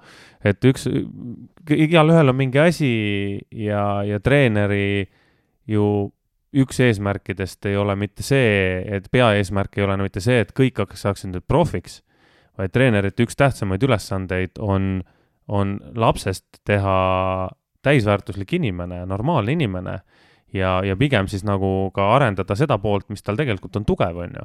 ja kui sa näed, et võib-olla ongi seal mingisugune poiss, kellel on võimalus hoopis rannavõrkpallis või tüdruk rannavõrkpallis midagi saavutada, siis miks pärsitakse laste võimalust saavutada midagi? Miks võetakse nagu see võimalus ära selle mõttega, et ah ei, mina ta kasvatasin üles, nüüd ta peab ainult saali võrkpalli mängima. las ta läheb, noh, Raul Reiter äh, on, on öelnud ka, et kurat, jube hea, jube äge, et sa mängisid, et noh, esimene, Raul oli mul esimene treener, on ju, väga kihvt ja, ja väga hea, et sa leidsid nagu oma asja. et eh, minu arust see pool, see pool, kui, kui ta muutuks ja kui saalitreenerid hakkaks ka suunama kuhugile, et noh, et kurat, äkki proovid randa, et vaata, et see saalis on, on nii ja naa, et sa oled siin, kuskile võid jõuda, aga äkki proovid randa ja noh, siis on seesama rannavõrkpalliklubide teke, mis, mis, mida, mida ongi raske teha, kui meil ei ole kategooria treenereid rannavõrkpallis, siis eh, et alustada täna rannavõrkpalliklubi tegemist ja jõuda klubiga sinnamaani, et oleks riigi toetus treeneritel.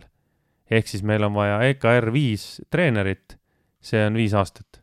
tänasest on see viis aastat põhimõtteliselt. klubide osas ma loodan, et see hakkab kõik tekkima, mina julgen omalt poolt nii palju lubada, et äh, kui koroonapiirangud annavad selle võimaluse, siis detsembrikuus toimuvad äh, Tallinnas äh, kõikidele vanuseklassidele ja ka täiskasvanutele mitteametlikud Eesti rannavoole talvised meistrivõistlused. see plaan aga on meil praegu olemas. koroonapiirangud peavad äh,, takistavad praegu? no loodame, et ei takista, siin võib kõik nädalates muutuda. nojah. Nii et see vähemalt äh, midagigi Äh, saame siit positiivset lõppu öelda. Ähm, saade hakkab läbi saama, meil on Grade kakskümmend neli väga kaunis pusa ära anda. Kellele me selle anname, Mihkel ja Rivo, meil oli siin täna küsimusi päris mitmeid, kuidas me Mihkli leidsime, kummale tal alale siis rohkem süda lööb kaasa, mis klubil näete siin suurima tõenäosusega meistrite liigas, kes noortest mängijatest esile kerkib, millal Eesti rannavõrkpalli näeme top kümnes, siis meil oli Mailise küsimus siin seoses sellega, et kas liberod servida võiksid ka meil siin. Ja Nils siis lõpetuseks uuris seda sotsiaalmeedia poolt ja uuris ka seda, et kuidas meil siis hakkab rannavõrkpall arenema Eestis mulle meeldis see libero servima küsimus, sest et see on väga põhimõtteline ja algatab sellise põneva diskussiooni.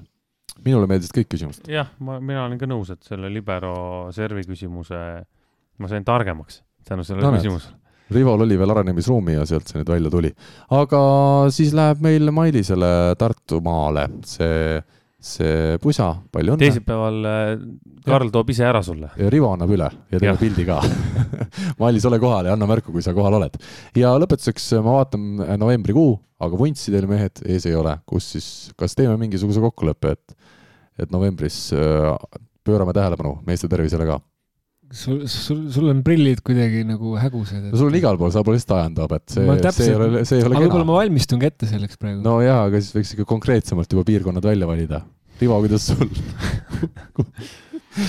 ei ole plaaninud osaleda selles aktsioonis. ei, kui ma küsin, ma küsisin, et aga teeme ära, ma ütlesin, ega, et ma saan aru, et sul ei olnud plaanis, aga siin saate raamis ikkagi ma arvan, et kui sul veel need pikemad juuksed, see vunts ka, ma arvan, et sa võid kaheksakümnendatesse lennata sinna ajamasinaga. ei, ei tee, Karl, ei tee. ei, ei saa, ei saa lubada endale kõike seda. sa oled elus valmis tegema ja seda mitte? ei, ei saa milles asi on siis?